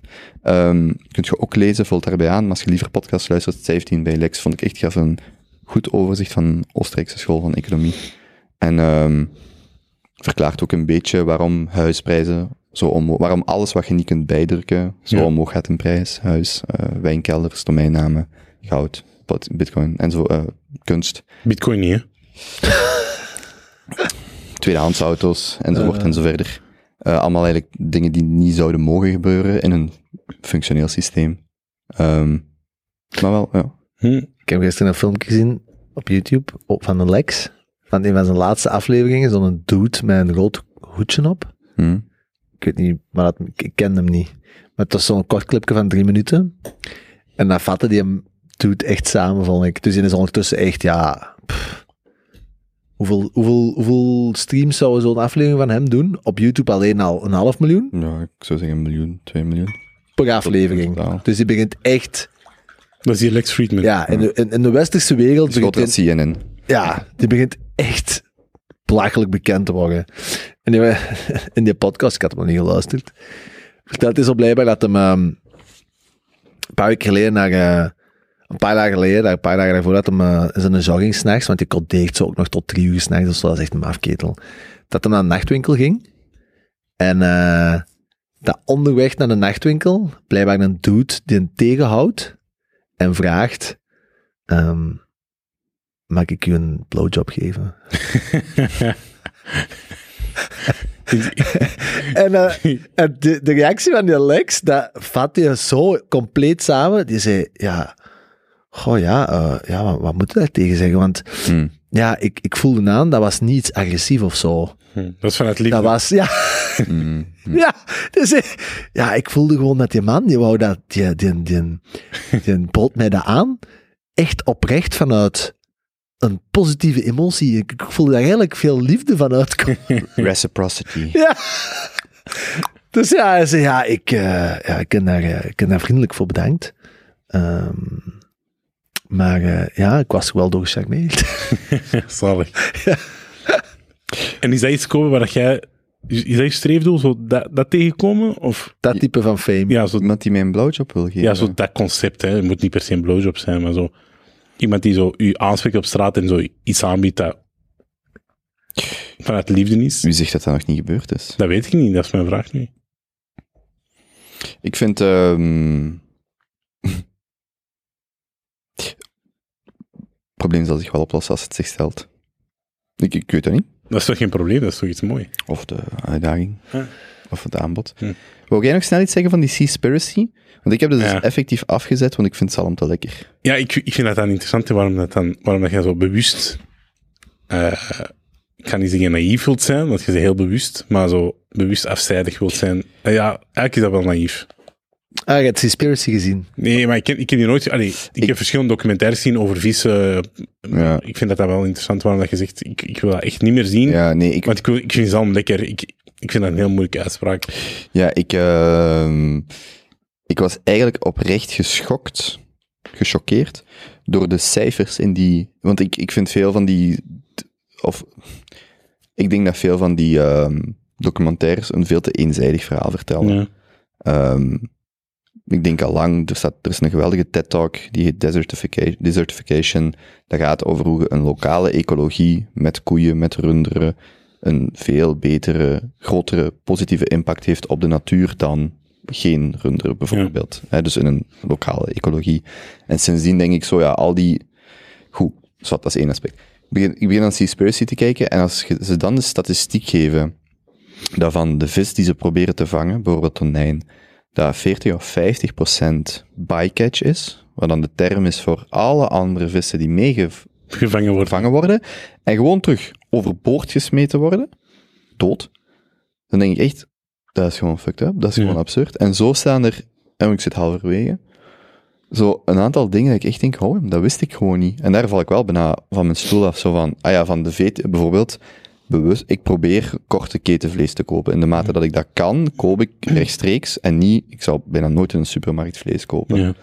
Goed, dat is een keuze, maar dat is voor mij een compromis in, in dat discours. Maar als je naar vis kijkt, en, zelfs, en ook die labels, MSC of wat is het, een, een deel weet je van, maar ik was echt gechoqueerd door de, ehm ja, door de, Dat de cijfers. brutaliteit. En de brute... Ja, ja, dat is ook bruut. ja, Maar ik vind dat gewoon... Ik, Ja. ik, wij zijn allemaal gechoqueerd als wij Seaspiracy zouden zien, maar ik zou dat niet afzetten omdat ik vis lekker vind. ja, maar dat was ook maar half lachend. Ah. En ik bedoel, ik, ik, en ik ga het ook nog wel afkijken. Ik, ik, ik eet sowieso al niet veel vis, behalve oesters. Ehm, maar eh, die voelen niks. Ehm, maar ik, ja, ik vond gewoon, ik, vond, ik, ik denk ook omdat vis heeft bij veel mensen zo nog de connota- connotatie dat dat zo het gezonde, altijd- of Ja. het, diervriendelijke alternatief is. Maar er is echt niks diervriendelijk aan vis te Nee, eten. Zo, integendeel. En zo die sleepnetten en zo. Als je, Ja. dat, concept, als je dat concept snapt van, ja, ah, ah ja, dus dat, zo'n net sleept gewoon de godganse zeebodem aan frutten. ja. Wow. ja. Allee, En daar, daar plant de vis zich voort op die bodem. Dat is echt, wow. Maar daar, daar vind ik erg, maar ik ben me- echt meer bezig over... Wat aan mij ook raakt, is zo de impact op je eigen lichaam. Die microplastics en Ah, antibiotica, zo die bassins waar die zalmen in worden gekweekt. Mhm. Ik heb dat zo, is dat, tien jaar geleden of zo, ooit eens ergens gezien, Noorse zalm niet doen. Dan ben ik zo, wou ik heel graag Schotse zalm kopen, maar dat kost extreem veel. Hm. En dan zo, dus ik had dan heel weinig zalm en bij wijze van spreken, ik spaarde dan vier keer de Noorse zalm, had ik dat niet, totdat ik zo eens één keer Schotse zalm kon eten. Hm. En nu heb ik dan gelezen, een paar geleden, dat het eigenlijk ook hetzelfde is. Ja. Maar wat bijvoorbeeld ook is, het ergste wat je, een van de ergste dingen oprecht is, al bijvoorbeeld in een stad als Antwerpen wonen, heel fijn stof, maar los daarvan, polyester dragen. Dat is absoluut Is dat? aangetoond. Polyester is het ergste wat jij voor je lichaam... Allee, van de dingen die je kunt dragen, sowieso het allerergste. En de impact... Je hebt dus die podcast van Joe Rogan, van die griet, met dan, hè, van, van die afstand tussen je balzak en je anus, dat die dat vertelde. En ik, heb dus- ik, heb, ik heb iets gemist. nee, nee, maar dat is echt legit zo'n researcher. Oh, daar En dus de aflevering. impact van polyester op je lichaam draagt daar ook toe bij. En dan ben ik dus door mijn kleerkast gegaan, Hm. want ik dacht dus echt, oké, alle polyester buiten en vervangen. Alle polyester buiten? Eén, Ja, nee, jong. één dat is veel. Twee, omdat de... ehm, en dan twee en drie, maar het hangt samen. Polyester is heel cheap, dus heel veel mensen dragen polyester gewoon omdat het goedkoop is. En drie, ja, begin maar eens te vervangen, hè. Veel is, ja. Dus polyester is echt het ergste wat je voor je lichaam kunt doen. Maar omdat je dat nu specifiek aanhaalt, ik was er over laatst nog over aan het denken, van die aflevering van die griet, wat mij zo is bijgekomen, wat ik wel toen als low effort, high impact ding heb kunnen doen en heb gedaan, zo'n geketsel, die, dat is eigenlijk echt, vind ik echt schandaal dat dat nog mag verkocht worden, maar je hebt zo die plastieke pakjes in een ja. Albert Heijn die dat gewoon in zijn geheel in de microgolf steekt, Ja, in de microgolf, ja. Ja. voor op te warmen. Ja. Ja, Dat is verschrikkelijk. Dat koopt, kopen mensen dat? Ik, Jong, ik doe dat, dat is elke dag, de, we kennen iemand die dat Ja. zo maanden, Jij bedoelt zo walking zit en zo. En Ja. Ja, ja, gewoon. Umami. pu- puree en zo. Ik heb dat ook nog gedaan, hè. Dat gewoon op met dat bakje en dan in de microgolf. Dat, is, Jij bedoelt Dat eten of die plastic? ja, dat plastic is gemaakt, dat bakje, heel dat, heel dat product is gemaakt om in zijn geheel in de microgolf te zetten. En dan staat daarop drie minuten warm en dan krijg je Ja. dat plas- bovenste plastic eraf en dan Ja. begin je dat te eten.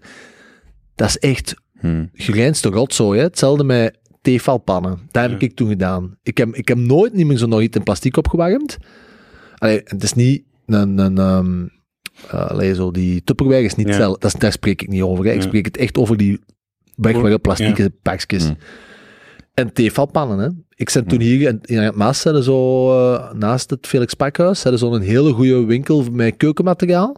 Ik heb die aflevering geluisterd. Het zijn die week nadien, wat was dat? Die waren dan in promotie 90 euro voor twee pannen. Hm. Ja. En dat was dan keramieke pannen. Maar je moet het met polyester maar eens doen. Ga maar eens door je, door je kleerkast. Maar wat is dat? Die, die, die, die dingen op je huid, dat dat zit, bedoelt je? Ja, dus polyester is eigenlijk gewoon een chemisch product. Ja. Dat, dat is letterlijk een chemisch product, dat is geen natuurproduct. ja. Dus, en dat geeft, als je dat wast, geeft dat sowieso al af op je andere kleren. Je moet echt maar eens, google gewoon polyester clothing, en kun je al dan nog sickness, illness, cancer bij zetten, maar dat geeft sowieso al bij het wassen af op je andere kleren. En dat doet, dat kruipt ook letterlijk in je lichaam. Als je zweet, komen er van allerlei dingen vrij. Polyester is echt slecht voor je lichaam. Oh, dat wist ik niet. Ja, Nee, ik ook niet. ja veel mensen weten dat niet. Polyester is de grootste, een van de, ja, je kunt even goed diesel drinken. ook. En heb jij, dan, heb jij daar iets mee gedaan of niet? Het is heel moeilijk, want bijvoorbeeld bijna al je sportkleding, Ja. Per definitie, zeggen, is bijna allemaal polyester. En je kunt dat gaan vervangen door wol bijvoorbeeld. Maar opnieuw, ja, dan kom je weer bij de eh, eind van Ja. de wereld versus eind van de maand. Begin maar, hè, alles door wol te vervangen in je sportkleren. En ik bedoel, tot op een bepaalde hoogte gaat dat katoen is helemaal niet zo handig, maar in ieder geval polyester. Hm. Ik heb dat, zelfs fjaalraven blouseje wat ik zo graag Ja. aan heb, is volledig polyester, hè. Dat is dan een goed blouseje bij wijze van spreken, dat is volledig polyester. Eigenlijk zou je dat moeten wegsmijten. Ik zou je dat niet mogen aandoen. Als het puur om je... En dat is dus, eh, omdat je dat net zei, op den duur, je eet dan geen vis, want dat is slecht om die reden. Je eet minder vlees, want dat is slecht om die reden. Je, je, je draagt geen poly... En, en, en, en, en. Maar ja, waar, ja, waar, Je kiest je gevechtjes uit. ja, waar stopt dat? Hè? Dat is... Dat is Want je kunt niet alles aangaan. ja. Dan kun je beter in de bossen gaan uh, ruïnes gaan optrekken. Hij ziet er wel leuk uit, hè. En dan stap je op een bom van de Tweede Wereldoorlog. hè. Ja. Maar zelfs daar, hè, je zegt dat nu, maar dat zelfs, eh, maar ik dat nu de laatste week een beetje heb gezien, zelfs als je zoiets doet, heb je nog keiveel kans dat je uiteindelijk meer schade doet als, als positief, hè. Want dan zie je zo die gasten die zeggen dan van, ja, hè, oh, oh, die hadden dan zo in een bos ook een grote vijver gevonden. En die Ja. zat ja, vol met, met algen en ze zegt, ah oké, we, maken die we maken dat daar rond, maken we vrij. En dan zien we dat er terug meer water eh, bij komt en ze bouwen dat gewoon wat verbeteren. Maar ja, de ecologisch systeem gaan aan de zak, hè? Ja, dus dan zie je dus iemand commenten zo, eh, en dan zie je in die comments staan dat dan vrij hoog wordt aangeklikt. Die zeggen, ja, je hebt juist alle schaduw van dat meer weggehaald. In de zomer wordt het in Portugal Mm. 5, 36 graden. Als jij nu niet ziet dat je wat plantjes die dat, dat gaat uitbalanceren, terug in dat meer zet, ja, dan gaat er keiveel algen groeien in dat, in dat klein merkje, wat eigenlijk je water toevoegen is op je, op je, op je terrein. Er komen keihard algen in, alles dat erin zit is dood. is dat zo? Ja. Oh my god. De nagels, is echt... de nagel aan elke boswachter zijn doodskist. Mensen die een hond van de leibaan, lei- leiband in een bos loslaten. Ja, tuurlijk. Dat is zo destructief voor de lokale ecologie. Een hond. En elke Ja. persoon met een hond zegt dan, ik mag dat ook, mijn hond mag dat ook, die van mij. Ik heb die, dat is, ik heb die discussie niet meer met mensen. Maar uw hond loslaten in bossen die daar niet voor bestemd zijn, dat is desastreus voor die bossen. Hm. Wat doet? Omdat dat... Dat verstoort alle ecologie, honden kakken, pissen overal, jagen dingen weg die er helemaal niet horen te zitten. Zoek them op. Maar mensen, oh nee, mijn hond mag dat, dat is toch niet zo erg. En dan heb ik het nog niet over kinderen en dergelijke, die je eigenlijk niet met honden zo... Maar zwart, voor de lokale ecologie, honden aan de leiband, of niet, dat ik echt denk, en dan, je moet die discussie maar eens met mensen voeren, maar ik mag dat toch? Ik heb die discussie wel nog nooit gevoerd. Hou op. Misschien ik heb dat vijf keer geprobeerd dat ik echt dacht, hoe kunt jij, hoe kunt jij bij wijze van spreken veganist zijn, maar wel een hond in een bos laten? Dat, dat is zo, in mijn hoofd, zo, dat is Maar die kiezen ook hun gevechten, hè? Ja, dat is wel heel selectief. Ja, maar dat is ook, hè? Jij mag Ja. je niet voor iemand anders maken, hè? Nee, nee, maar dan denk ik ook, ja, ja, maar dan moet je mij niet wijzen op mij. Ja, ja, inderdaad. Maar dan is de vraag, oké, in welke richting is het agressief, Ja. is het offensief of defensief? Maar eh, het, het, blijft, het punt blijft, je kunt, er is maar één manier om je impact op de wereld te reduceren, dat is gewoon harikiri. Maar harakiri, maar dat is ook geen oplossing. Nee, maar zeker, maar Benny wil nog vijf kinders. Ja, dat is eigenlijk het allerergste, kinderen op de wereld zetten. Dat is... We gaan echt... Het is, het is, na, het is na de heilige stop. Er is, er is Ja. nog één plek in de wereld waar je ook kinderen op de wereld kunt zetten. Ja, oké. Jongens, Dat is leuk. Ik, ik weet- vond het gezellig. dat, is, dat is gezellig, ja. Het was leuk dat je er erbij was, Bas. Ja, ik- inderdaad. Ik ben, ja, krijg ik nu procent op de subsidies of nog altijd niet? Je mocht dan mee op verlof. Dat is ook wel iets. Ah, je gaat mee. Ja. Weet jij al... eh, nee, Ik weet echt niks van die oorlog. Is daar iets van geregeld? Zeg maar, als je met de fiets gaat, dan kunnen we de opnameapparatuur niet meepakken. Maar wel, Jonas gaat met de auto. Ah, ga Jonas met de auto? Ja. Ah, oké, dat is goed. Hoe ga elke terug dan? Keine Ahnung. Hmm. Want we moeten ook, ah, maar komt ook met de bus. Nee. Nee. Want, Zo, Misschien kun je mijn auto pakken en naar Italië rijden met je twee. Ik zit er al. Dan moet jij alleen rijden. Misschien moet ik met uw auto Ik zou naar doen. Italië rijden. Ah ja? Ik zou mijn auto nog niet houden. Ja, want jij vliegt. Ja, jij Jij rijden. vliegt, dan zal ik met uw auto naar Italië. Dat maak ik echt nooit. Wel. Ja? Maar, maar jij moet je daar hebben. Nee, het is wel handig dat je twee auto's op vakantie hebt. Ja, goed. Oké, we zullen het erover hebben. Oké. Eh, Baba Ganoush op drie? Ja, zo- oh, dat is lang geleden. Jij alleen. Ik, ik, wacht, ik, ik had al langs een grappige conversatie, ik wil nog even zeggen. Eh er was een... eh Baba Ganoush is gemaakt van ehm aubergines. Oké. En ineens stuurde iemand mij een aubergine door. Oeh. Dat wil dat wilt wel iets anders zeggen als Baba Ganoush. Ja, ik, Oeh. ze wordt dubbel geïnterpreteerd, dus het is zalig. Dat is leuk. En wie stuurde u Baba Ganoush door? En een bekende persoon stuurde mij een Baba Ganoush. Een bekende persoon. Ja. En ik zei, dus ik stuurde, eh, wat, wat, wat, wat, ehm, wat zijn uw bedoelingen? En die zei, Sam van Rooij. en die stuurde, ik heb, ik heb zin in Baba Ganoush. Mm. Dat blijft wel heel dubbelzinnig, vind ik. Ja, inderdaad. Ik vind dat leuk. Dat Misschien kan. moeten we dat vaker gebruiken. Dat is eigenlijk een goed excuus als je een aubergine stuurt naar iemand en je wilt op zee spelen en die persoon is, eh, voelt zich aangevallen of voelt de klacht niet doen, dan zeg je ja, dat is gewoon, dat is een Libanees recept. Ik Hands vind, off. ik vind als jij dat zo zegt, eh, het maakt het niet beter, maar... Oké. Pak het risico. Ik ga dat pakken. Stuur een berichtje naar de Junto Boys Instagram en je krijgt een eh aubergine terug. Dat is goed. Oké, is goed. Oké, op drie. Oké, op drie. Eén, twee, drie. Baba Ganoush. Ah, dat is precies scholer geworden als vroeger. Iemand moet een beat geven. Give me one.